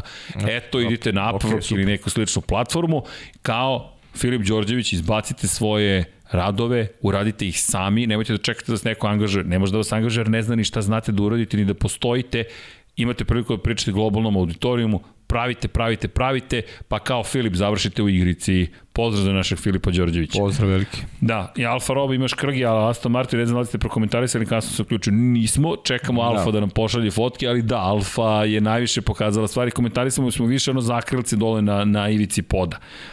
Branislav Dević, srećan rođen, da li se sjećate a, Arjuna Mainija i njegovog timskog radija, šta mislite o tome? U kom smislu sad ajde pomozite nam Dimitrije na šta konkretno se odnosi Iron Maini indijski vozač, ali sad na Ja. ne znam. Sad moram priznati da ste me malo malo zbunili, ali ajte ako može pomoć Ja prijatelja pa da. Ne da je vidimo. asocijacija. Da, ne, ne znam na šta se konkretno misli, ali ok, Maini čovjek koji on je u DTM-u, je li tako? Ja mislim, da. Ne, Po svakom slučaju, Pravo ti kažem, sad i ne znam gde. Da. Elem, e, šta je sa aerodinamikom Ferrari, šta se pričalo? Čekamo, čekamo, ljudi, A to nemamo niko ne zna. pojma. Pa to se pojavilo u medijima. E, Italijanskim i Dušan nema. Kojić, šta mislite Zrke Paju, šta će se desiti ako se u Formuli 1 desi slučaj Đoković, prosto neko ne želi da se vakciniše, mislim na vozače da li će ga proterati. Dušan je Formula 1, to je Liberty Media rekla, ko nije Mora, vakcinisan mora da ne se može da učestvuje u. Formuli 1 i nezvanične informacije, to su nezvanične, kažu da, su svi vakcinisani, da. tako je. Ali vrlo jasno, ako niste vakcinisani, ne možete Pa da to je ono učestvujete. što jeste bio problem sa Australijom, što, Tako što je. to nije bilo definisano jasno pre nego što je krenuo novo. A dobro, to opet. Da. E, samo oštro do kraja, ljudi, je li bilo naskar i zašto nije bio na SK kanalima? Pa bio je- Ne, ne, ne, ne, ne, ne, ne. sad za vikend nije bio. Ljudi, ima, ima u sredu i četvrtak se vozi još neke prateće trke u Daytoni. Zbog čega nije bilo naskar u nedelju? Pa zato što je bio Super Bowl.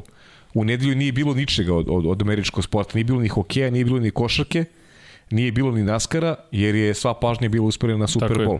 Tako da zbog toga nije bilo. A sad sreda i četvrtak se, se vozi u Daytoni još tih nekih par pratećih ili nekih tih trka, uvodnih trka, da ih tako nazovemo, a u nedelju, u nedelju se vozi Daytona. Eto, to je to. Pa da. Vrlo je jednostavno. Ni, ništa drugo, bro. Da, Bukvalno. da. Ne, ne, za vikend ništa. U nedelja je. je bila prazna.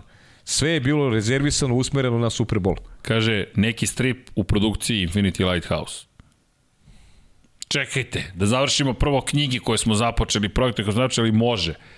Napravit ćemo neki strip. Dajte ideju, slobodno, Branislave. Vi ste se joinovali, vi ste član cele ekipe. Uh, Adela H, Branislav, moj muž ima 40 godina, dete od 3 godine, imam 30, pa evo od nas, šta, šta fali? I ja ne znam sad o čemu reč, ali ništa ne fali. To tamo posle, Nikad šta može da fali? ni za šta, topina. Ne fali ništa. Evo jedan like sa naše strane. Veliki pozdrav, da ste Veliki živi i pozdrav. zdravi i Tako je. uživajte u životu. Tako je, samo uživajte. Ko je najviše napredovo, nemamo pojma. Kako mi ćeš ko nemaš napred? pa od timova, A, o Timo, aha, ma, nemamo da, pojma. ko Ljudi. to zna. Ko je najgori ima najviše prostora za napredovanje. Tako, Tako da, je. ko zna. Mogo bi, mogo bi Haas najviše da napreduje. Ba, Pa da, mogao bi, vrlo je lako, svoj poen i već si napredovao. Da, inače, Voća Pero, pozdrav. Uvijek sam se pitao šta bi se desilo kada bi se obrnuo startni krug, tako se vozi u smeru kazaljke na satu pa se obrne. Pa, to se dešavalo. Ne, znam, ne mogu, ne mogu da tvrdim za Formulu 1, ali u Moto Grand Prix-u velika nagrada San Marino i Rimini na stazi Mizano, Marko Simoncelli, nije bio krug u desno, bio je krug u levo zapravo. Ona je projektovana da ide u suprotnom smeru, Nažalost, 1993. godine kada je Wayne Rainey imao onu veliku nesreću, to je mali pad, ali velika nesreća, velike posledice, prešao preko ivičnjaka i nažalost ostao nepokretan od struka naniže, oni su odlučili da se uopšte više nikada ne vozi u Mizanu, međutim kada su se vratili, i to je zahvaljujući popularnosti Valentina Rosija, rešili su da se više, ne, vo, da se više oprostite, ne vozi krug u levo nego u desno. Tako da možete da pogledate stare trke iz Mizana iz 92. 91. i vidjet ćete kako su vozili u suprotnom smeru i sada kako voze u redovnom smeru iz nove perspektive. Još jedna staza na kojoj se to desilo je Saxon Ring, Zaxen Ring zapravo, gde su oni zapravo imali krug u desno i išli potpuno suprotno. Dakle, start je bio idemo nizbrdo, pa desno, pa desno i onda čuveni vodopad. Nije bio vodopad, to je bio ovako uspon, iskrenete levo i onda idete na drugu stranu. I bila je mnogo duža staza. Tako da opet, vratite se na stare staze i vidjet ćete da je to bilo drugačije. Tako da nije neobičajeno da su okretali smer i problem tu nastaje što je neko projektovao stazu na određeni način da se vozi, na primjer, u Mizanu krug u levo i kada okrenete smer, teme krivine, čelo krivine je potpuno drugačije. Mnogo je zatvorena krivina i čudne su putanje koje imate kao vozač. Tako da zanimljivo je to, zanimljivo je iz perspektive i motora i naravno automobila Formula 1 i tako dalje. Baj Sead, veliki pozdrav Crne iz Bosne i Hercegovine, izvinjam se, pozdrav za Bosnu i Hercegovinu. Čekamo još 4 minute, onda se odjavljujemo. Čestitamo da. rođena Valentinu Rosiju i idemo dalje. Čoda TV, ljudi šta bi sa Lab 76, epizoda 76. Pa, to je istorijska epizoda koja je još u pripremi. Krčka se, ne, krčka se. a, a sutra je 176. Ima da skočimo na 177. Nikako, nikako da, da, da izađe iz nas. To je, to je stvar kreacije ljudi, tako znači morate je, razumeti tu, tu imamo, je. imamo kreativnu krizu kada je u pitanju ovaj 76 A, tako je, tako je. Ima ovde puno, pozdrav iz Maribora, pozdrav za pozdrav Maribor, Maribor pozdrav. pozdrav Maribor. Tako je, da pozdrav iz Tuzle, pozdrav za Tuzlu, pozdrav, pozdrav iz Splita, pozdrav iz za Split, pozdrav, gledamo iz Sarajevo, pozdrav za Sarajevo.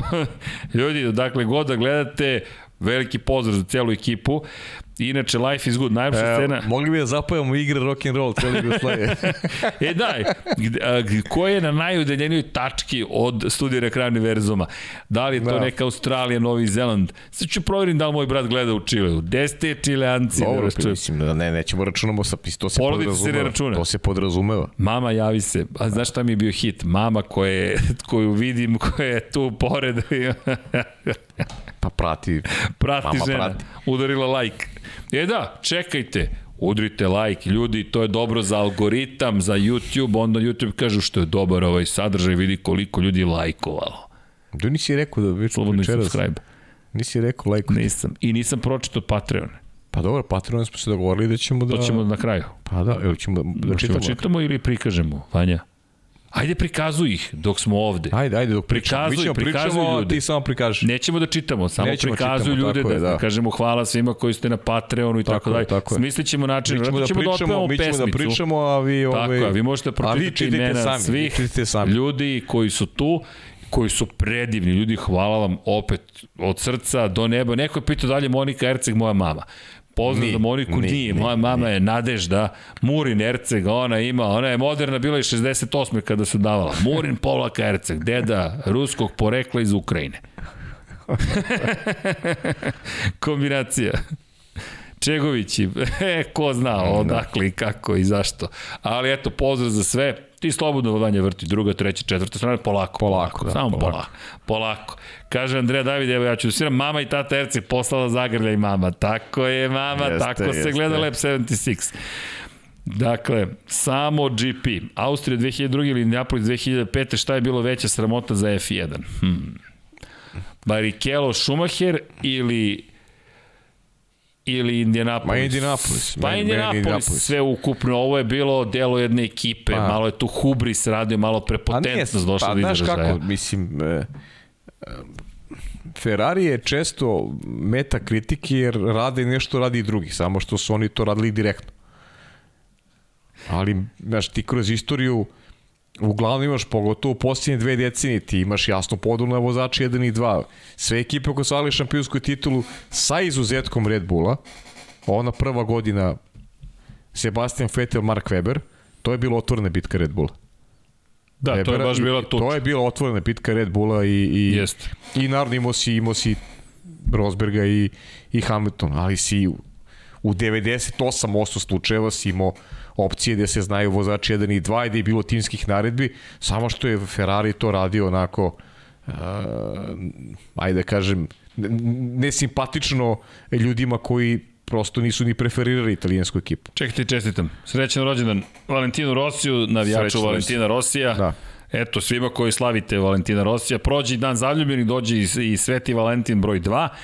Pa pozdrav svima, eto, prođe ponoć, pa ćemo i sad i mimo polako da se opraštamo. Andreja David kaže, evo ja ću da sviram. kaže, ako može na sugestije za novu sezonu, Nemanja, da li možete Alpin, da ne zovete Alpina, nekako nije pravilno. Ja, to je ta čuvena diskusija. Jeste, Alpin da. jeste u francuskom, ali kad menjate po padežu trebalo bi Alpina, zato što je to Alpina i tako dalje i to je nekako usvojeno bilo u prošlosti. Znam i razumemo vas, ali ne znamo prosto kako to da, da, da rešimo, ali eto, razmislit ćemo kako to da izvedemo. Inače, Čoda TV Podgorica ođe. Pozdrav, za Podgorici, Podgoricu, ljudi. pozdrav Podgorici. Eto, čestita se dedi rođendan, srećan rođendan Vale, postade on deda. Dobro, sad će Čale okay. da postane sve u redu. Okay. Jeste i legenda, legenda ovoga sporta. Čujte, mi smo radili puno na knjizi. Koliko stvari shvatiš da ne da, znaš da, ima, da, ima, da ima dosta pitanja za knjigu, ali verujem da ćete sutra i ti i Deki da... U kom smislu? Pa mislim za knjiga, kada će biti knjiga. I poslali Dek, smo, 25. Deki Andrić, Deki marta Andrić kreće isporuka. Da, Već okay. smo poslali e-mail svima. Nadam se da nije u spamu, u spamu završilo. Zašto? Sad više, sad, sad moramo čekamo naš termin u štampari. Pošto je preozbiljna štampa, propustili smo jedan, ali to smo svesno učinili, smo hteli najbolji kvalitet, sada već smo upali u čekanje. Ja se izvinjam zaista za ovo, ali evo reći vam iskreno, ne volim opravdanje, ja preuzimam svoju odgovornost, nema tu šta. Ali verujte da ceo tim koji je radio na tome je uradio sve kako je bilo rečeno i dogovoreno. Bukvalno sve. Sve smo platili, sve smo uradili, Sve smo završili, sve što je bilo do nas urađeno je u roku u kojem je bilo dogovoreno. Šta smo dobili je nešto sasvim drugo, neću sad da idem dalje o tome, moja odgovornost, ja sam loše izabrao neke stvari i ja snosim odgovornost, ali ja se zaista izvinjam i nadam se da ćete biti ste dovoljno strpljivi, knjiga je predivna, prepuna je neverovatnih informacija, stvari koje ni mi nismo znali, verujte, znamo dosta toga, ali smo potpuno duševljeni onim što je tu prezentovano, svaka trka je opisana, koliko je moguće ukratko opisati svaku bukvalnu trku koju je čovjek vozio. Prelepe su priče Aleksa Briggsa, Jeremija Burgessa, zatim Karla Pernata, samog Gracijana Rosija, Valentina Rosija, njihove izjave, neverovatno jedno bogatstvo informacija i divno izdanje, tvrdo koričeno, čak i vidjet ćete kako će vam stići u ruke kada bude sve završeno. Zašto je toliko trajalo, kažem, nismo znali u, u, u kakvim situacijama se možete da se nađete ponekada, ali neka ostane tome odgovornosti dalje moja. Nema, e, su sve super, a kad je teško, nestanemo sa scene. Tu smo. Ja se još jednom izvinjavam. Zaista i pozdrav za Dekija. Elem, pozdrav za sve u studiju, pozdrav. Vanja, sad si ti na redu, da znaš, za trola. Ja mislim da mi imamo najvernijeg trola. Pozdrav za našeg trola. Elem, da li je Pao očeo da Burkina Faso bila na nadomak finala u američkom kupu nacija, afričkom kupu nacija? pa da, znam, mislim. Vidi, ako ne nabavimo dres Burkine Faso, ništa nismo uradili, pa ja da ti kažem, dakle, pozdrav za Burkinu Faso. Neće moći da idemo ovaj na more koje nemaju, by the way, ali, ali dobro. Ferenc Laslov, ja nemam problem sa Alpine, nego sa Tom Raider, Raiderom, Tom Raiderom, Raiderom. Ne, ja ne mogu ni da izgovorim Raiderom, pa nije jahač, nego Raider. Otimači izgubljenog kovčega, Raidersi su u pitanju, tako je. Laku noć Infinity, kaže George, Alex danas vozio Williams sa Red Bull kacigom. Pa da, to smo i očekivali, zar je bilo neke sumnje. Elem, i da iskoristimo ovo, šta mislimo o Sebastianu Žijeu? Fantastičan vozač, drugi najbolji vozač svih vremena u istoriji svetskog šampionata u reliju, Sebastian Leb i dalje ostaje broj 1. Elem, mislim da je vreme da se polako pozdravimo. Jeste. Još jednom pozdrav svima, udrite like, udrite subscribe, vodite računa zaista jednim drugima, vozite računa jednim drugima, mazite se i pazite se. Mama, volim te, dakle, nemojte da se sidite da pokažete svoje emocije. E, evo, mama, jedno srce ti šaljem iz studija na kraju univerzuma, pošto znam da si tu. Vreme je za spavanje, ali u svakom slučaju, budite dobri, to je ona lepa stvar, učite, pročitajte neku lepu knjigu, strip, pogledajte dobar film, uživajte, recite nekome koga volite da ga volite, oprostite nekome i tako dalje i generalno budite uz nas, mi ćemo se truditi dalje da vas informišemo, zabavimo, da bude lepše i tako. Šta da vam kažem? 917 na 30-30, Huma 917 455 u Švajcarskoj. Što bi rekao Srđan Erceg, Ćao svima. Ćao svima.